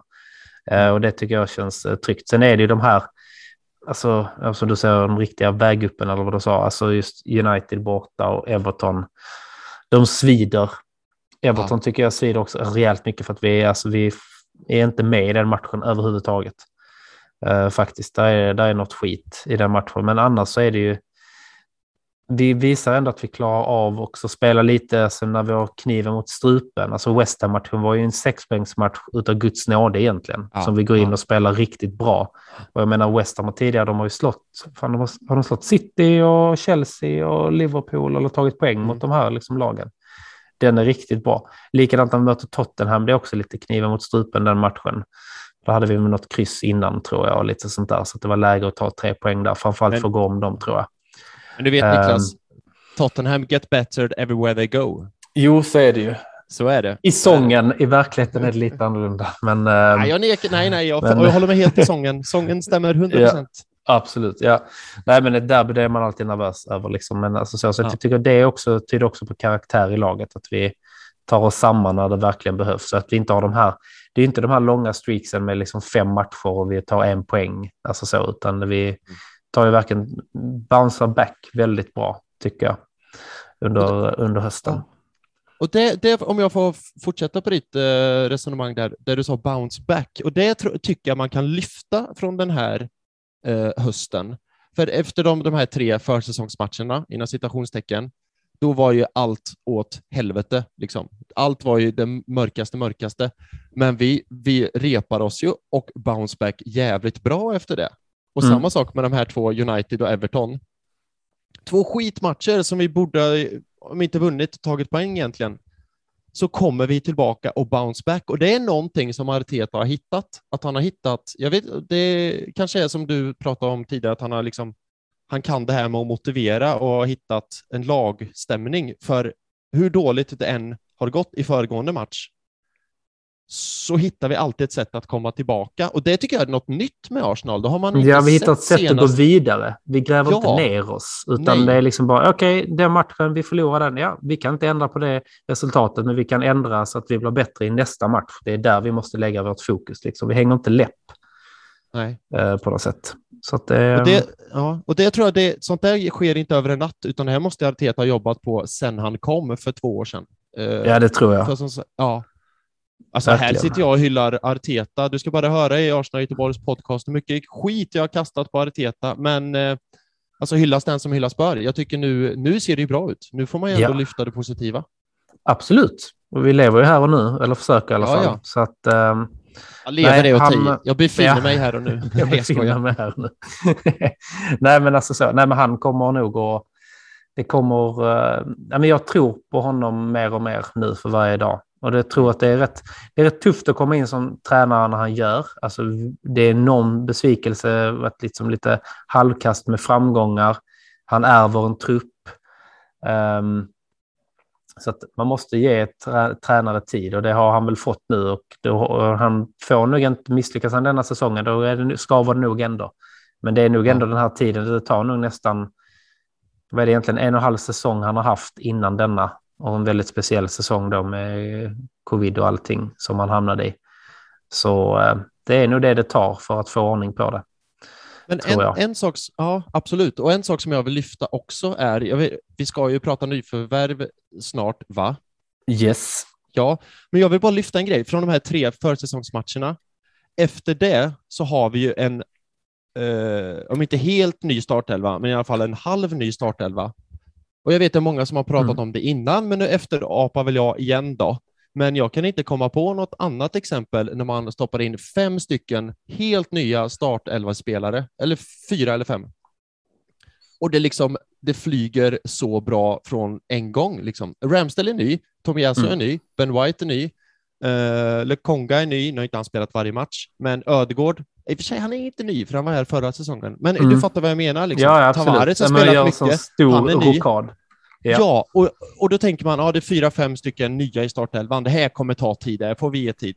Fan, det tog ju inte någon tid alls, det här flög ju från första början och det får man ju också ge Arteta. Att han har jobbat Verkligen. ihop ett lag som egentligen inte ens borde vara ett lag, utan det borde ju vara fyra, fem, elva höns som springer runt som inte känner och kan varann. Så det vill, man, det vill jag också lyfta ett finger för, ifall vi missar det och går vidare. Det, Mm. det, det ska han ha. Absolut, det är han väl, väl värd faktiskt. Den gode Arteta. Mm. Ja, nej, men härligt. Nej, men jag tycker som sagt hösten den går ju från klarhet till klarhet och eh, vi klarar av, som vi var inne på, vi klarar av att varva ner tempot i en match när vi behöver det. Vi klarar av att ställa över vissa spelare. Vi har inte haft så mycket avstängningar, inte, inte allt för mycket skador heller under hösten. Det tror jag också har påverkat. Det har varit en ganska harmonisk tid, förutom den här lilla Aubameyang-parentesen kanske. Just det. Um, Men- Och det tror jag kan... bra. Ja, för, alltså jag är expert på att avbryta, så you better get used to it. Men, nej, men det tror jag också kan ha att göra med att vi inte haft något Europaspel. För då har vi kunnat jobba ihop oss på träningarna och inte behöva typ lägga två dagar på att åka till, inte fan vet jag, Slovenien eh, och vara, ligga där på hotell. Utan, eller så här, och nästa vecka åker man till eh, Bratislava och ligger där Mm. på hotell. Och, så det tror jag att Arsenal, det är kanske en blessing i disguise just denna säsongen, att man inte hade Europaspel och kunna så här, jobba ihop truppen och laget och spelet på träningarna. Ja, Eh, jo, Fem, absolut. sex dagar i veckan. Och jag tror det är bra för de unga spelarna också, för att ska vi ut i Europa då måste vi vara bra i England, så är det ju. Ja. Alltså, och jag tror det är bra att, och för de unga spelarna också, som Smith Rowe var ganska sliten på slutet av förra säsongen, var lite för ung för att matcha så hårt eh, som han gjorde, tyckte jag, i, i förra eh, säsongen på grund av skador. Så med de här mindre skadorna gör nog också att vi hinner bygga upp och bli starkare och bygga upp självförtroende och göra en bra säsong i England i kupperna och i ligan. Och det kommer ge oss ett självförtroende och en annan stabilare grund tror jag när vi väl är ute i Europa igen, vilket jag hoppas är nästa säsong givetvis. Och jag spelar ju hellre bara i engelska cuper än att spela i den här jäkla Conference League i alla fall. Du vet, det fanns ju ett lag som också, eller finns ett lag som också är från norra London. Nu har jag kommit ihåg vad de heter. De spelade i den här Conference League. Och lägg De gjorde att jag det. Sa, att jag sa spelade, för de lyckades ju, Lyckades de lyckades ju åka ut. Precis. de är så jävla dåliga va? på det sämsta sättet också. Ja, det är alltså, liksom, Åh, man tror att det inte ska bli värre. Och så Ja, det blir det värre. De bara, ja, de bara toppar sig själva gång på gång. hela tiden. Ehm, ja. Nej, men så Ja. det tror jag kan vara eh, kan varit en bra grej, att jobba ihop sig på träningsplanen liksom, Mm. med det här nya, nya laget. Och sen, det ska väl tilläggas, alla matcher som vi har kanske vunnit och så har ju inte sett fläckfria ut, utan vissa matcher har vi vunnit och kommit undan med andan i behåll, eller vad säger man? Eh, ja, men det ska man ju absolut. också ha. Alltså ibland, det sker bra lag vinner ju när de spelar dåligt också. Så är det ju. Exakt. Exakt. Eh, och vissa segrar kan vara finlirssegrar som mot Leeds och sen ibland måste man fan kämpa för det också, bara borra ner huvudet liksom. Och det gör vi också, vi kämpar ju till sist. Jag menar Crystal Palace gör vi ett mål i, på tilläggstid eller nästan i 90 minuten i alla fall. Mm. Vi kör ju verkligen all in i de flesta matcherna och, och går för det liksom. Så att det är också en bra karaktär att ha i ett lag. yes. Absolut. Eh, Ja, om man bara får säga några slutgiltiga ord så kollar jag på tabellen nu och vi ligger Mm. faktiskt fyra. Och spolar tillbaka då när vi låg sist, som jag sa tidigare, och hade en målskillnad på minus 5000 så ligger vi ändå fyra nu och det Mm. visar ju på att vi måste ha haft en väldigt, väldigt bra höst trots allt. Ja, men alltså totalt. Alltså hade vi suttit i em, augusti när vi pratade inför säsongen, du och jag, Ja. och någon hade sagt till oss ja, men ni kommer ligga, innan julafton så ligger ni fyra i ligan. Det- Ingen av oss hade sagt nej, tråkigt, dålig höst. Mm. Nej, Och det kan vi inte göra. Nu släpar väl tabellen lite i och för sig, men vi är ju ändå liksom, vi är med där uppe och fightas om de här eh, platserna. definitivt. Och eh, det, ja, men det, känns, eh, det känns jäkligt bra. Så att, eh, jag hade ju tagit det alla dagar i veckan i augusti om någon hade sagt att vi skulle ligga fyra idag. Så hade jag bara, tack så mycket, inga problem. Oh ja, oh ja, oh ja, oh ja. Och jag, när vi pratade i augusti där, och jag har sagt det tidigare, att den här säsongen tror jag, och jag tror fortfarande, att vi kommer sluta sexa. Mm. Eh, och då kanske man tycker att jag är lite negativ och sådär, men som jag brukar säga, de två tidigare säsongerna har vi slutat åtta och åtta. Så Mm. sexa är ju ett steg framåt, men jag Ja. menar, ligger vi fyra nu så det är bara att fortsätta. Liksom. Sexa, då blir det Conference League nästa år. Då blir det ju borta mot Mjällby. Så det är. Nej, fuck, hata Mjällby. Eh, Då ska man bara det- vara så jävla iskall och bara säga alltså, vi stryker vårt namn ur den turneringen. Tack, vi vet Ja. att vi kvalificerar oss till den. Men vi skiter i den. Ge den men till den som går på sjunde plats. Är inte är sexa, inte det Europa League? Har de gjort om? Har jag så dålig koll? Topp fyra Champions Ja, League? för, ja, topp fyra i Champions League. Ja. Den, den, den har jag stenkoll på. Och sen Ja. tror jag femteplatsen är eh, Europa, Europa League. League. Och sen är det ju kupperna ger Europa League-plats tror jag. Eh, Tidigare har sjätteplats varit Europa League, men de kan ju ha gjort om. ja, jag tror de har gjort om det. För förra säsongen vet jag sjätteplatsen var Europa League och sjunde, för Spurs slutade ju sjua och fick Conference Ja, League. West. Ja, men då är, det, Eh. då är det nog som du säger. Det är det jag som kommer Yes, ihåg då slipper vi Mjällby. Ja, så jävla gött. Så jävla gött. Då blir det Norrköping Joho! istället. Ja, ja fan hellre det alltså. ja, det är väl närmare för er, va? Nästan måste det vara. Eh, ja, det Göteborg. låter vara osagt. Det Ja. låter osagt. Ja, det får inte bli På spåret av det här. Nej, nej, nej. Eh, inte än i alla fall. Men eh, ja, nog om det. Nej, men jag tror, jag kommer inte ihåg vad jag tippar. Jag tror jag tippar med hjärtat tippar jag fyra och med hjärnan tror jag tippar kanske sexa. Um, ja, låter bekant. nå- ja, någonstans där i alla fall tror jag vi landar. Men eh, ja, jag nämnde innan lite kort att vi skulle utse lite priser. Jag tänkte, ska vi börja och Ja. försöka diskutera oss fram till vem som är höstens spelare? Vi har ju inte lagt några kriterier i det här. Nej. kommer jag ju på nu när jag sa det.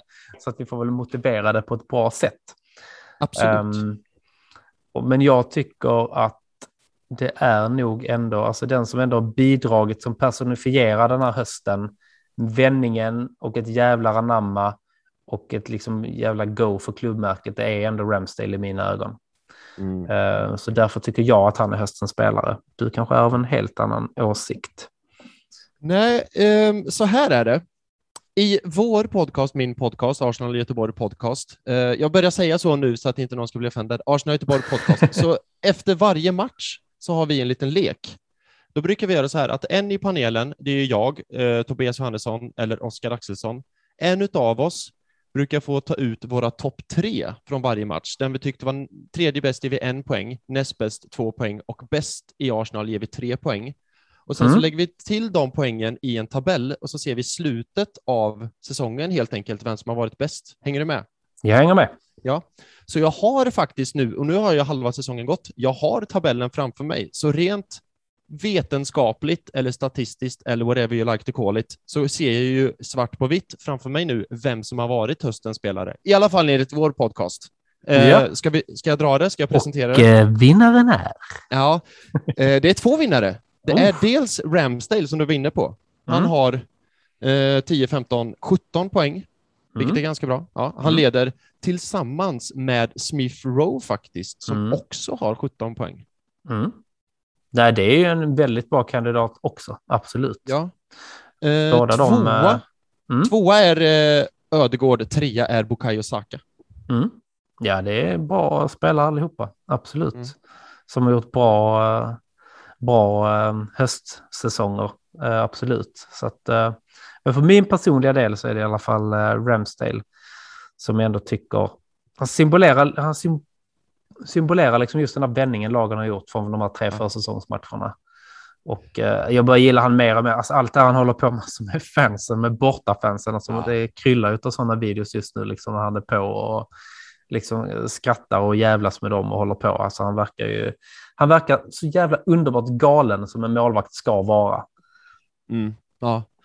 tycker jag. Eh, Jag in, instämmer på samtliga punkter. Jag älskar Ramsdale. Jag tycker att Ramsdale egentligen är, och nu har det bara gått ett halvår, det är sjukt, men Mm. efter att sett honom ett halvår i Arsenal som första målvakt, eh, alltså bara en sån sak. Han kom in, tog Lenos första plats efter tre matcher, för efter liksom eh, City 5-0 så har ju Leno inte stått. Han har stått i, i ligan. Ja, i cup, ja. det är ja, det. ja, precis. Men sen har ju Ramsdale kommit in och bara så här, this is my place, I am the king of the castle and don't come near, liksom. Verkligen. Eh, och snacka om, alltså inget ont om Leno, men jag sa ju tidigare att han verkar som en liten mes. Eh, det kan man ju inte säga om Ramsdale. Han är, ju sju, han är ju sjuk i huvudet på både gott och ont. ja. Eh, nej, jag, jag älskar Ramsdale. Jag tycker han är, han är bra uh, vad heter det, skottstoppare. Alltså han, räddningarna han har gjort den här säsongen. Out of this world. ja. Och hans liksom distri- distribution, vad säger man, hur säger man det på svenska? Hans spelfördelning. med Spelfördelning, ja precis med fötterna. Ja. Och det är han också- på också när en mittback eller någon back har bollen. Han liksom Ja. dirigerar ju dem också. Du ska passa till honom. Och sen så gör de det, då vänder han sig mot den, klappar, bra jobbat och sen dirigerar han nästa. Alltså han leder försvarsspelet och laget bakifrån liksom från sin position på också ett riktigt bra sätt. Och det har ju aldrig Leno gjort. Nej, nej, jag tycker, och i somras så var det ju, alltså det gick ju snacket så här, ja men är det inte lite väl mycket pengar för Ramsdale? Da, da, da, da, da. Nu, ett halvår senare, så säger jag så här, var det inte lite väl lite pengar vi betalar för Ramsdale efter Mm. det han har presterat? Alltså värdera Eh. honom idag så har det ju gått upp. Eh, alltså hans prislapp måste ha gått upp nästan med det dubbla. Ja. Nu vet jag inte om det är lite hybris vi driver med i Arsenal Göteborg podcast, men vi driver ju tesen att han kommer bli den första målvakten att vinna Ballon d'Or. Vad säger du om det? Ja, just nu är det lite hybrisvarning med tanke på att han bara varit så bra i några månader. Ja, men hybris Men- är vad, har vi men- inte det, vad har vi då att leva på? Men i längden så, ja, man vet aldrig. Man vet aldrig. Det känns ju som en väldigt modern målvakt och någon gång ska väl en målvakt för det där. Messi och Ronaldo kan ju inte prenumerera på den titeln allt för många år till. Så att, eh, ja, varför inte? Ja, ja. Nej, Varför jag tycker han är, han är klockren alltså, Ramsdale. Älskar honom. Älskar honom. Absolut. Så att, eh, ska vi enas om att han är höstens spelare? Ja, men vi får väl göra det och det går ju helt i linje med den här äh, tävlingen, lilla leken vi har i Arsenal Göteborg podcast också då. Så det blir väl Ramsdale då helt enkelt.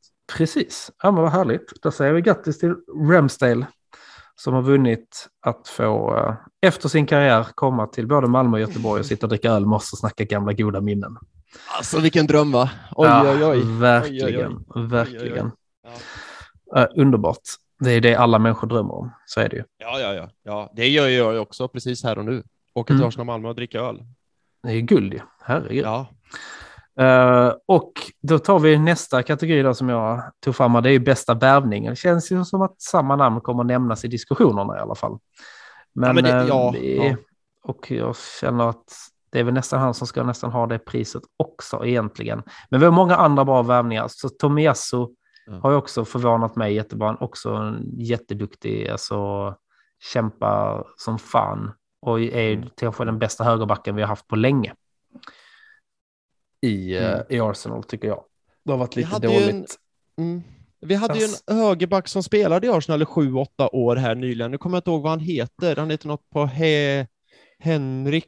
Henrik, Henrik Bengts... Henrik Bengtsson var det va? Ja, men alltså Så- det är ju på den nivån. Nu skämtade jag ju, men det är ju på Jo. den nivån. För det är ju... Jag håller med. Alltså är Ramsdale höstens spelare så blir han ju årets nyförvärv också. Alltså så, Mm. så enkelt Ja, är det ju. ja, precis så enkelt är det. Men Eh, vi måste ändå ja. nämna några andra i konkurrensen där. Men eh, Ja. Och, och då håller jag med dig om Tomiyasu. Jag tycker han Mm. har varit, från hans första framträdande i Arsenal har han knappt satt en fot fel. Och nu vet jag inte exakt vad vi betalade Bologna för honom, men det var väl 25 kronor och en Billys panpizza liksom. Och det är ju... ungefär. Ja. Eh, Och jag, jag fattar, alltså han är ju... Ja, han är så jävla sanslöst bra alltså. Ja, han är verkligen det. Han är det. Alltså, och han, spelar, han spelar också, han, vet ju om att han inte är världens bästa högerback. Mm. Men han spelar precis helt rätt efter liksom den talangen och de resurserna han har. Mm. Han har liksom ingen övertro på sig själv som Bellerin. Liksom så, "Ja, men jag kan lätt driva igenom tre personer här på kanten och gå upp och göra mål.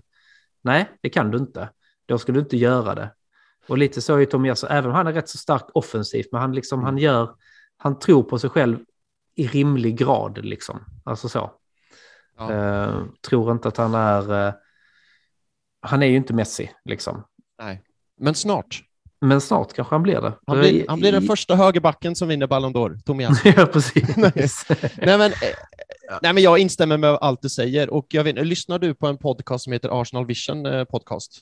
ja, ibland. Ja, ja. Mm. Jag hinner inte. Alltså, det är mycket poddar man vill lyssna på. Sidospår. Det är ju så. Och så, ibland är missar så. man ju några avsnitt utav, uh, utav vissa poddar. Så är det bra. Framförallt när man sitter och gör en podd själv också. Ah, I mean, I feel you brother, I feel you. Nej, men då var det ett avsnitt då de hade Lee Dixon som gäst. Nu är det ju ett tag sedan. Mm. Eh, men Lee Dixon, han kunde ju inte sluta hylla Tomiyasu. För han tyckte så här att, det lite grann det du är inne på, att Tomiyasu är en högerback. Tomiyasus första arbetsuppgift, det ska vara att försvara och göra det så bra som möjligt. När man sen gör det och klarar av det och känner att nu kan jag det här, jag försvarar och jag har gjort det bra, då först kan man avancera och röra sig upp i plan och kanske eh, gå på lite offensiva äventyr. Och jag vet att Bellerin, alltså jag gillade ju Bellerin, men de senare åren gillade ju Bellerin mer som människa än vad jag gjorde som fotbollsspelare, för han gjorde lite grann tvärtom, att det var ju så här, äh, jag pallar fan inte försvara, jag dribblar framåt och så kanske jag får en assist istället. Mm. Ehm, och det, alltså det, ja, som Lee Dixon sa, att försvara, det är A och O, det ska du sätta först och främst. Och det gör ju Tomiasso.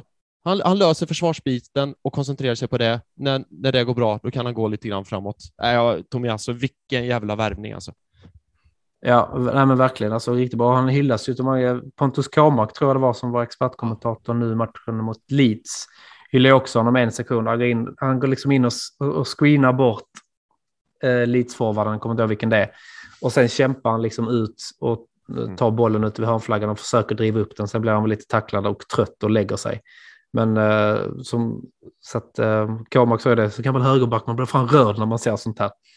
Eh, och Lee Dixon har också hyllat honom, så att eh, det, han är ju en bra högerback, verkligen. Där är det ju högt värde på dem. Den lilla pengen vi betalar för honom är det också, alltså vi har fått ut mycket för den lilla pengen. Ja, verkligen, verkligen. Och jag tycker Bra att, eh, värvningar liksom. Superbra, superbra. Mm. Och jag vet inte hur det, snacket har gått i er podcast i 100 procent, men spola tillbaka bandet så var det ju att Edu och Arteta var skräp för att de- var, värvade bara dåliga spelare. Och visst gjorde de det ett tag, med William, med Cedric, med Pablo Mari och så vidare och så vidare. Men det var bara sådana Men- paniklösningar, de släckte ju bara bränder. Liksom. Oh, shit, vi måste ha in någon, liksom, Tack kändes det som. Ja. Det var liksom ingen, ingen tanke bakom värvningarna.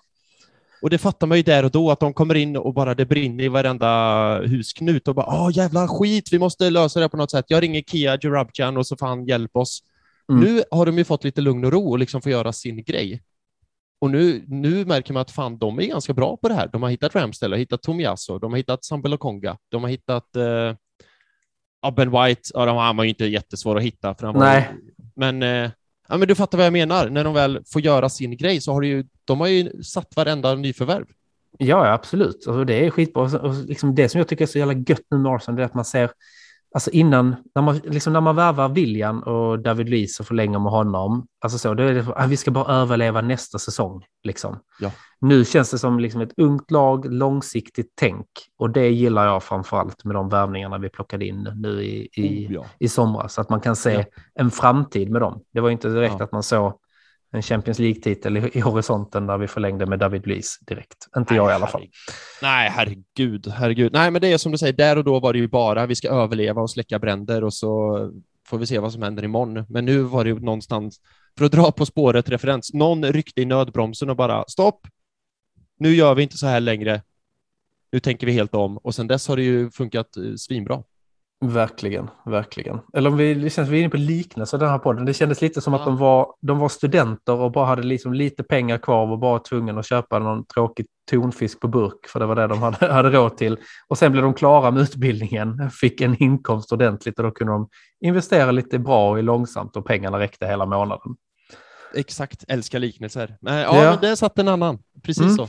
Så att eh, det känns ju riktigt bra att de har eh, börjat jobba på det sättet, verkligen. Mm. Långsiktigt liksom. Mm. Mm. Kunde börja lägga undan lite pengar på sparkontot för att ha fler liknelser. Ja, ja, men det, ja, ja, precis. Ja, Precis. lite så.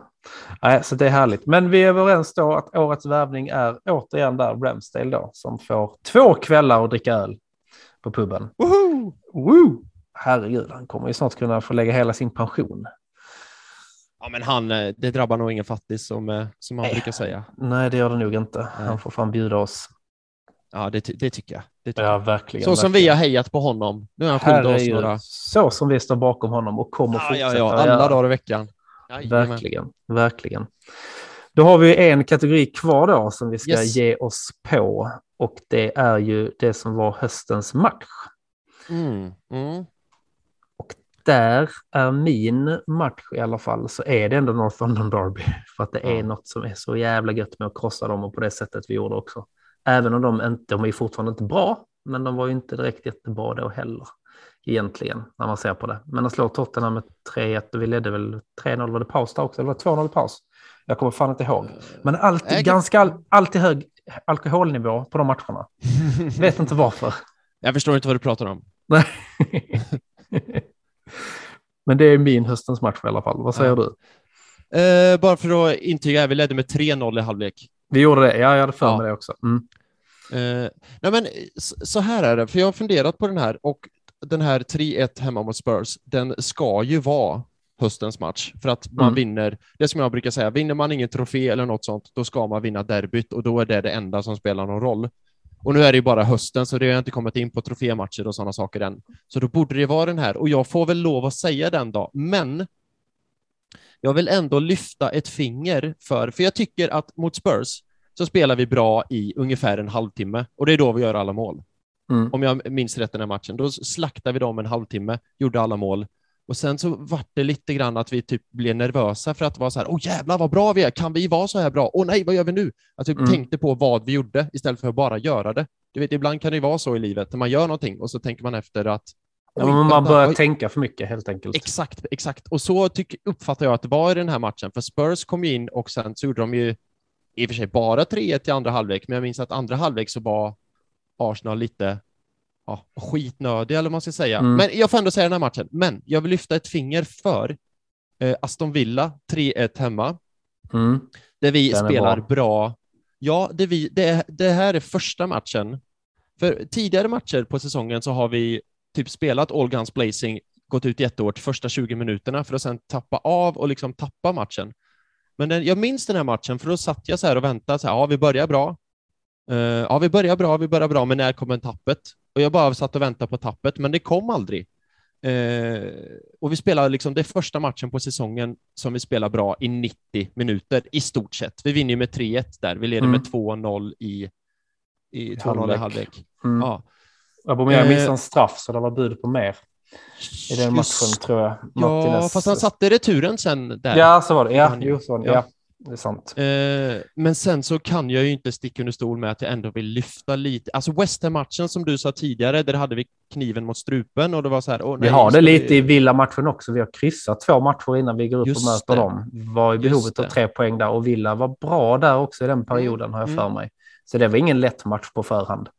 Nej, det var ju inte det. Och, men West Ham var ju bra. Leeds, ja, vi spelar svinbra hela den matchen, men det är klart, nu är det ju bara Leeds. Ja. Eh, men ja, ah, någonstans måste jag ändå svara eh, Arsenal 3, eh, Tottenham 1. Men det är några bubblare där som jag ändå vill ska få en mention. Absolut, absolut. Jag håller med dig. Det är inte det lättaste, men att, att slå dem är, det är så gött. Man mår Ja. så bra. Man går ju på Ja. moln. Liksom. Det är ju, Ja, ja, man kommer ju liksom bara in på kontoret och de spelar bra god musik. Liksom. Man går ju som en kung rakt in. Va? Så är det ju. Man Och det går är- som Sol Campbell, va? Ja, man går som Sol Campbell. Nej, det är underbart. Ja, ja, men då har, fin. vi, då har vi höstens match också. Badabam! Härligt, härligt. Vad bra. Då ska vi, ska vi se, jag ska bara kolla vad vi har kvar. Ska vi prata lite, vad är du sugen på? Januarifönstret eller Aubameyang? Oh, det är ju... Får jag bestämma? Ja, kör då vad vi börjar med. Eh, Okej, men då, då, då, för Aubameyang känns ännu deppigt, gör det ju. Mm, Eh, det så gör vi det. börjar med Auba och sen så slutar vi lite eh, positivare Lite januari, med januarifönstret. Så vi börjar Auba. Yes, Ja, du jättebra. börja? Jag drar igång det på något Ja. eh, bra sätt. Yes, ja, men nu har vi ju liksom, vi har peppat upp oss nu med liksom de alltså mest, vad ska man säga, de bästa händelserna under hösten. Mm. Eh, men vi har ju faktiskt en tråkig händelse som vi bara måste nämna. Det är liksom hela Aubameyang-situationen som ändå är ett litet må moln på den härligt solstrålande klarblåa himlen vi går under just nu. Ännu en Eh, liknelse. Ja, det hag, haglar och kryllar av dem i detta podcastavsnittet. I love it, Jag love it. gillar det. Mm. Men eh, vad tror du? Sticker han i januari eller? Ehm, ja, nej, jag tror... Alltså grejen är, jag tror inte det, men han borde göra det. Dels för hans bästa och dels för klubbens bästa. För alltså alla borde tjäna på att han går i januari, men jag tror ändå inte att det kommer hända.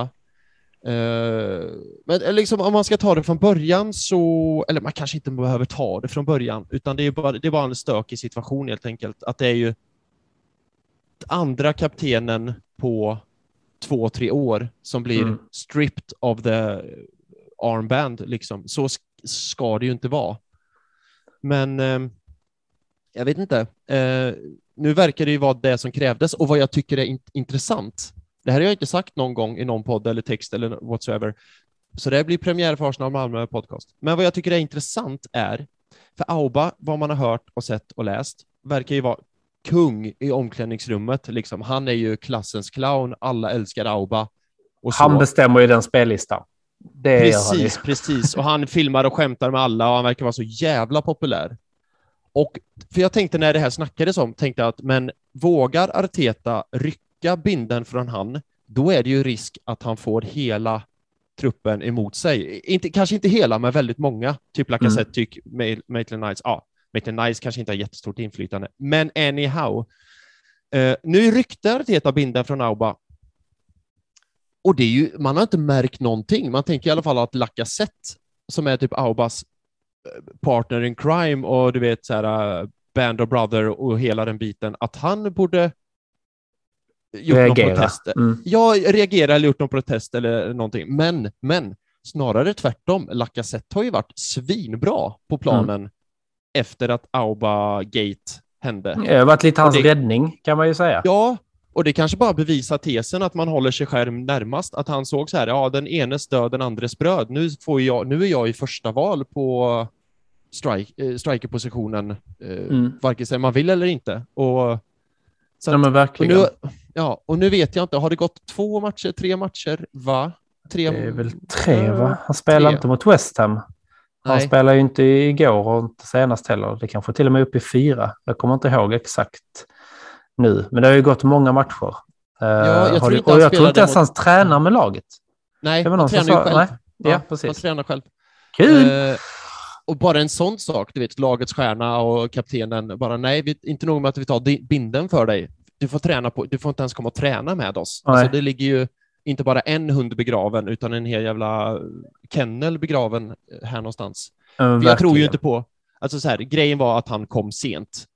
Ja, men det måste ju vara mer än så. Komma sent Men en har han gjort det, det har han gjort innan. Då blev han, Ja. fick han ju sitta på bänken. Han kom ju sen till någon matchsamling förra säsongen. Precis. Eh, mot eh, Spurs hemma kom han ju sent. Ja, just det, det var det. trafik. Ja, precis. Ja, men jag tror att det, det måste vara mer saker än så. Det Men måste där är ju allt det här med att han har varit sen eh, och hem och han skulle hämta sin mamma i Frankrike Ja, eller vad det var. Han precis. blev, åkte en dag för sen och missade träningar och det ryktas om att han har tatuerat sig någonstans istället för att gå Ja. och träna. Men jag tror det grundar sig mycket att det är en så pass lugn situation ändå. Grundar sig mycket i det vi har varit inne på innan, det här med att det är en bra stämning i laget, att alla Mm. vill dra sitt stack, eh, strå till stacken. Eh, och sen också att de har ju någon form av liksom agreement som spelarna själva har skrivit under på. Att det, är vissa saker som liksom, det här förhandlar vi inte, liksom, alltså det, här, det här ska man göra annars så blir det konsekvenser. Och det är ju Speciellt förmodligen om man är de... kapten också. Ja, ja, Då ska man ju vara. Artetas, Artetas förlängda arm på något Det sätt. ska vara det ett känns som föredöme. att- Du ska ju aldrig bryta Exakt, mot de eh, exakt. reglerna som Ja. gruppen där har kommit eh, ö- överens om. Ja. Så att eh, jag tror han kan vara så att är spelare, spelarna kan till och med ha kommit och sagt till uh, Arteta att eh, nu vet vi inte exakt vad det är han har gjort Nej. alltså helt och hållet, men det kan vara att spelarna säger också att just nu vill inte vi ha, ha honom i, i gruppen. Och jag tror att det mycket väl kan vara så, för som sagt, hade det, han verkar vara så jävla populär och hela den biten och så, men efter han inte är med längre så har ju spelet, alltså laget har ju Men har ju fortsatt att vara bra och jobbat Ja, ännu ja, mer. ja, precis. Om man har inte hört någonting som Nej, det blir ingen ut eller kommit ut. dipp eller någonting bara för att det hände. Liksom. Så Nej, att, så eh, jag, jag tror, och det, det, det pekar ju så jävla gött på att Arteta har med sig laget. För jag, återigen, jag var så jävla rädd på att det skulle liksom bli sprickor i laget och allt sånt, men det har ju, det har ju gått fläckfritt sedan dess. Mm. Det har inte Ja, varit kanske någonting- nästan åt andra hållet, att de är, är tajtare. Liksom. Ja, och jag, ja, precis. Och det är ju inte första... Nu, nu vet jag inte om man överdriver och kallar Auba ett ruttet äpple, men om jag kallar Auba ett ruttet äpple så är det ju inte första ruttna äpplet som Arteta plockar bort, utan han har ju plockat bort Özil som var dålig stämning. Han plockar bort Mustafi som var... Ja, han var ju Mustafi. Eh, han har Mm. plockat bort Guendouzi som var dålig stämning. Alltså han har ju bara rensat, rensat, rensat. För att ta en ytterligare referens, han har ju sågat av sjuk gren, han har Mm. så efter gren efter gren efter gren. Verkligen. Ehm, och det har inte blivit sämre efter det, så att det kanske blir ett friskt träd som blommar upp här till slut. Alltså, den Ja, liknelsen va? ja, oj, herregud. oj, Det oj. är liksom... Det är Ranelidska snart, som vi säger Ja, tackar, tackar, tackar, tackar. Nej, men verkligen. Nej, men han har verkligen... Men han känns som han... Han är nog bra på att bygga lag och bygga grupper, liksom, tror jag. Ehm, Ja, och det är så konstigt, för det här är Artetas första jobb. Alltså det är hans första jobb. Man glömmer Mm. detta. Det är hans första, första jobb. Det finns ju managers i Premier League som har jobbat i 20 år. och han har kan spelat i klubben också. Alltså han har ju en annan... Visst, man Jo. har en lite... Man vinner lite tid på det. Men, jag tänkte på eh, ditt jobb, liksom. det kommer in en chef som aldrig någonsin har varit chef, som ska styra och, och bestämma och liksom sätta nya regler. Alltså det är Mm. jävligt lätt att det är backfire. Liksom. Ja, Eh, ja. Men, men det här gör Arteta och det ja, nu sitter man här 22 december och tycker att det går bra. Om en månad kanske det här har exploderat och är helt åt helvete. Men som sagt, man kan ju bara Man, befinna sig i nuet. Um, nej, det, är beundransvärt måste man ändå säga. Det är hans första managerjobb någonsin ever ever och han bara han liksom får med sig gruppen, för det har han ju fått. Ja, verkligen. Och på ett riktigt bra sätt. Så att, eh, nej, det är riktigt, alltså, det är riktigt kul. Alltså just det, det, känns, det, det är ett lag idag, Arsenal. Det är inte Mm. bara en stjärna som det var innan. Liksom Özil kom in och var bättre än alla andra. Och, alltså så, det är verkligen ett lag. Och det är det man, mer och mer favoritspelare nämner man ju alltså också. Vi nämner fler och fler eh, alltså spelare som har varit bra där höstens spelare. Mm. Alltså det är, man är mer självsäker. Man, jag bryr mig inte lika mycket om startelvan längre. Har jag märkt. Sant. Den var Nej, man ju sant. väldigt sådär, åh shit, vilken, åh nej, han spelar inte, åh herregud, Mm, hur ska det gå? Herregud, katastrof. För att nu har man, jag har något slags grundlugn, eller vad man ska säga i det, Mm. att jag litar på att Arteta sätter in de gubbarna som är, som är bäst för dagen. Ehm, Det känns också som ett famous last words. Jag har något grundlugn. Vänta Mm, nu här bara ja, ja. två veckor Niklas. det räcker med att vänta liksom till Boxing Day så är jag helt jo, jo, jo, det galen. kommer du få, du Jag kommer få äta upp det. i röven. Men just nu, som vi ville Ja, ja, det är sant. här och nu, just nu Vi det. befinner oss här och nu. Ja, Jajamensan, så är det. Mm. Vi ska inte titta längre fram än till nästa match. Nej, nej, nej, nej, nej, nej. En match i taget. Japp, Ehm, japp, jag är också en sån god kliché. Mm, verkligen. Nej, men så att eh, det känns liksom ändå, känns ändå tryggt så att säga. Men eh, nej, vi får väl se vad som händer med eh, Aubameyang för att avrunda den biten där. Jag Mm, mm, tror ju att eh, vi kommer inte märka någon större skillnad om han försvinner i januari. Det tror jag inte. Nej, det tror jag inte. Det tror jag inte. Men det, det som är intressant också är att Arteta har ju gjort det här förut på ett sätt. För när Xhaka blev stripped of the band, eh, Mm. då var ju i och för sig Emery eh, tränare. Men sen så, hur fan, hur, vänta, hur fan var det där? Men sen så vägrade ju Xhaka spela. Sen kom Arteta och Arteta, i och för sig, då var det ju att Arteta fick övertala Xhaka och börja spela igen. Nu är det ju Xhaka som har fryst ut Auba, så att det, okej, det är inte riktigt samma sak. Förlåt, jag tar tillbaka det jag sa. Ingen fara. Nej, men han har ju... Han har, nej, men han, historia, när han hyschade publiken var det, alltså Xhaka, det var det väl Emery som Mm. var tränare, men sen då när Japp. han helt plötsligt sa nej, jag ska inte vara kvar i Arsenal, jag ska till, till Roma. Eh, liksom, då var det också lite kaosigt kring honom, men sen har ju ändå Arteta fått in honom nu. Känns det som att han ger allt för Arsenal när han är inne. Han är fortfarande lite dum i huvudet och tar onödiga kort och gör onödiga Ja. tacklingar, ja. Men han är ju ingen proble- alltså problematisk spelare att ha i gruppen längre. Nej. Nu skulle eh, Tobias Johannesson från Arsenal Göteborgs podcast vara här eh, och argumentera emot dig. Han hatar eh, Xhaka. Men nu är inte Tobbe här, så det är ingen som kommer argumentera emot dig, så eh, go for it. Ja, nej, jag argumenterar inte över att han är bra, men det har ändå alltså, skett liksom en, en förändring lite i, i Ja. honom. Alltså i, som, eh, som person i gruppen. På planen är han fortfarande, där kan vi få in någon bättre. Absolut. Men han är inget problem längre som han har varit längre bak i tiden. Och det kanske blir att Arteta åtminstone får, kan ha Aubameyang kvar utan att han är ett problem. För i dagsläget är han ju ett, ett problem. Tränar du inte med laget och är lagkapten och du är typ avstängd från att spela matcher utan att samla på dig röda och gula kort, Mm. då är det ett problem. Man undrar ju hur Aubas sms-konversation är med typ Lacazette efter han får träna själv. Och så Stel. går han så här till duschen själv och bara så här smsar Lacazette bara Arteta är fan dum i huvudet, jag hatar honom. Och Arteta står, eller så här, Lacka sitter i omklädningsrummet med alla de andra och ser det smset och bara mm, jag stoppar ner Mm, telefonen Ja, lite grann precis. här. Vi har det ganska gött här liksom. Och så. Ja, Ja, för det får man inte glömma att spelarna pratar ju med, med varandra. Alltså... Ja, det får man ju det- utgå ifrån i alla fall. Jo, jo, ja, det får man Ja. ju utgå ifrån. Så det är så här, Auba och Lacka som har firat födelsedagar ihop och, och så här, deras barn är polare och sånt. Så man undrar ju hur snacket går däremellan. Mm. Eller om Lacazette helt enkelt är så här bara, ja men Auba, du är en vuxen människa, skyll dig själv. Du visste från början vad som var kriterierna. Det är du som har fuckat upp, inte Arteta. Så det kan, ju vara också. de känns ju som att de är polare också, så det kan ju hända att uh, Aubameyang har pratat med Lacazette innan han gör detta. Nej, men jag kommer att bli sen imorgon, för nu prioriterar jag detta, och gå och tatuera mig eller gå och hämta min mamma och sånt. Och så Lacazette, men skärp dig för fan, boka om det där, du kan ju fixa det ändå. Han bara, nej, men jag Mm. pallar inte. Och då har väl deras relation blivit lite skadad, eller då har ju inte Aubameyang så mycket att komma med mot Lacazette om det har varit så. Så att, eh, Nej, nej precis. Eh, Men det kanske kommer fram i den här Det man ju inte. eh, Amazon-serien, Prime Video, vad, vad heter den nu? Winners or Losers eller vad fan den heter. Eh, eh, all or nothing. jag tappade. All or Nothing, tack. Ja. Det var den. Det Ja, kanske det var, kommer jag fram tyckte där. var så bra efter den här eh, Sunderland-vinsten. Sunderland som hade den Sunderland till Adai på Netflix. Det. Den var faktiskt Amazon. bra, tyckte jag. Ja, det var bra. Älskar Ja. den serien, men det Mm. var... Eh, vad fan var det? Jag följde ju supportrarna också ganska mycket. Mm. Ja, den är Eh. super. Mm, den är bra. Ja, ja, skitsamma. Ja. Ja. Så det, kanske, det kanske kommer fram. Annars så kommer väl Aubameyang, som alla andra, skriva en bok en dag där han Mm. kommer att berätta sin story. ja, jo. De där böckerna, va? Mm. Så är det va? Mm. Så vi kommer att få läsa om det Ja. på Aftonbladet när den släpps. Säkert. Antagligen. Säkert. Garanterat. Men ja, vad tror du annars händer i januarifönstret? Tror du vi får in någonting? Vad vill du ha in? Ja, du. Eh, inte Dennis Suarez i alla fall, om jag säger så. Nej, Eh, alltså, jag tycker det är så svårt med januari, för grejen är ju så här, Arsenal spenderade ju rekordmycket i somras ju. Alltså så mycket har ju Arsenal aldrig någonsin spenderat i ett fönster, typ.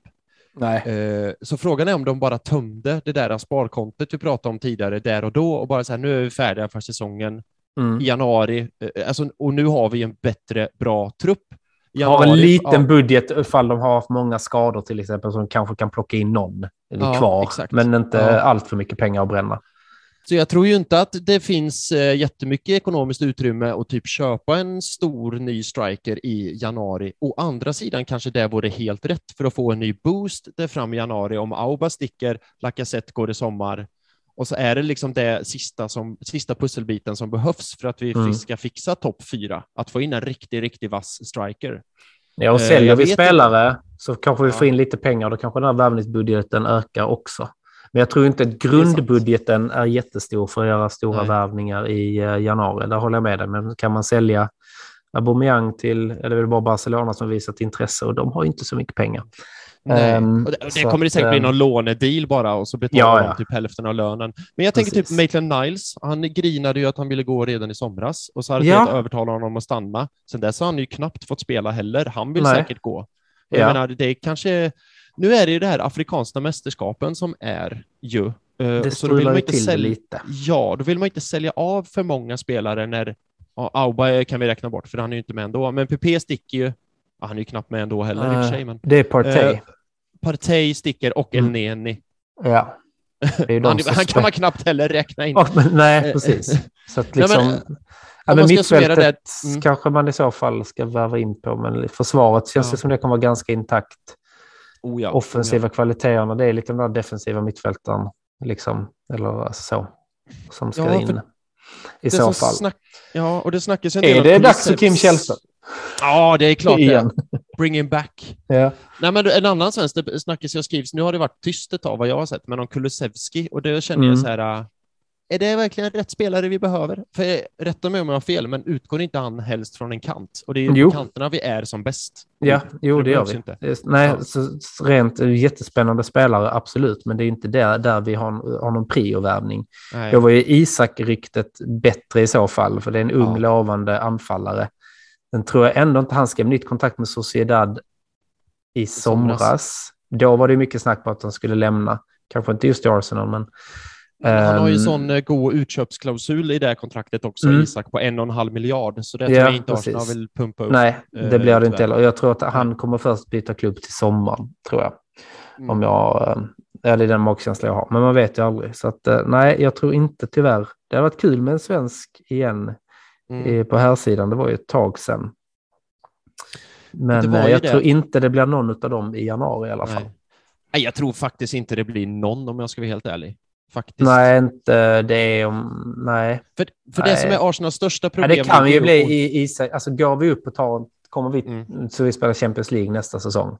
Mm. Då kanske Isak är ett alternativ. Då kanske han hade velat komma till oss. Jo, jo, men det är Eh, för först vi sommar, behöver han. Ja, det är först i sommar. Ja, Ja. precis. Men Kulusevski, där har vi redan för många bra spelare på den positionen. Han, vi behöver inte... Alltså vi behöver inte spela på den positionen som han, som Nej. han spelar på. Eh, Men det som är Arsenals största utmaning nu, det är att sälja spelare. För de har ju fortfarande för bred trupp.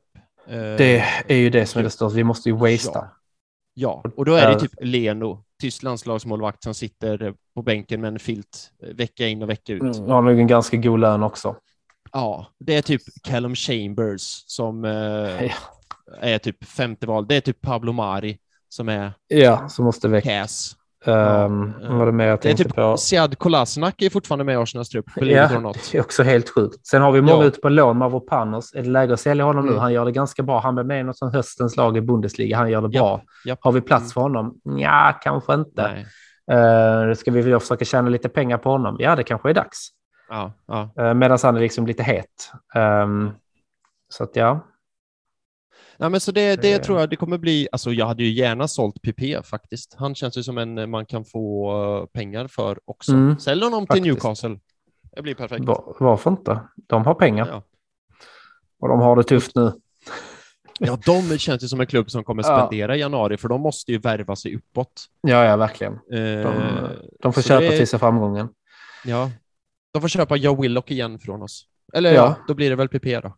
Ja, det blir det nog. Det blir det nog. Faktiskt. Han, kan, eh, lämna, han vill nog lämna också. Mm. tror jag. Och det var någon som sa något sånt där att han har bara fem matcher kvar tills han, vi måste betala ut en bonus till... Uh, uh, var kommer Lill. han ifrån? Lill var det va? Ja, Ja. precis. Ja, Mm. ja. Han gjorde att ju det- för övrigt sin hundrade match mot eh, Sunderland, va? I en. Otroligt. Och vi gjorde väl Ja. något sånt där 7000 målet i någonting. Just det. Ja, det Martinellis jävla mål massa- nu. Ja. I, var det högsta ligan eller vad det var kanske? Eh, Och det var en jävla massa stats. Så Charlie Patino blev ju Arsenals 887 seniorspelare att göra debut. Något sånt, något sånt. Mm. Ja, det var mycket, mycket sådana historiska Ja. siffror nu Yes, eh, yes, som yes. har florerat i dagarna.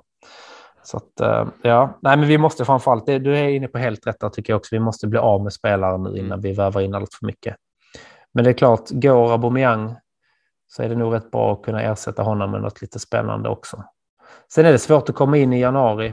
Det är inte det enklaste. Det är inte många januarivärvningar som har kommit in och tagit stor plats direkt. Det är ett tufft läge att komma in mitt i en Vilken säsong. är den bästa, den bästa januarivärvningen?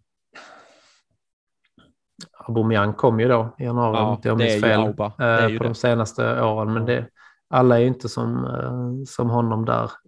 Ma- men, eh, Monreal, är ju var ju många. en, Mm. Monreal var ju en januarivärvning. Däremot ska man säga att hans första halvår var ju inte han värst bra, utan han var ju... Nej, men det är det jag menade. Du får Mm. oftast inte valuta för dem förrän ändå till nästa Nej. säsong. Så att eh, det är ju mer... Alltså det är inte så många januarivärvningar ändå som ändrar ett helt lag, utan det är oftast för att täcka upp om du har mycket skador. Du lånar in Precis. någon, eller det är någon som bara vill sticka. Liksom. Men jag är bara rädd att Ja. desto längre den här Aubameyang-grejen drar ut på tiden så hamnar vi närmare och närmare ett Özil-läge, hur vi än gör. Mm. Så att eh, någon lösning måste vi ändå hitta. Men eh, ja, som sagt, jag tror ju, hoppas ju att han går för både hans bästa, för han måste ju bevisa sig, och, eller han vill väl spela fotboll, liksom. han vill väl inte träna själv och skicka ledsna sms till Lacazette varje dag. Nej, Eh, och, och Arsenal vill bli av med honom, så Mm. ja, förhoppningsvis, förhoppningsvis går ju han i januari. Vem, vem har råd att betala? Typ ingen.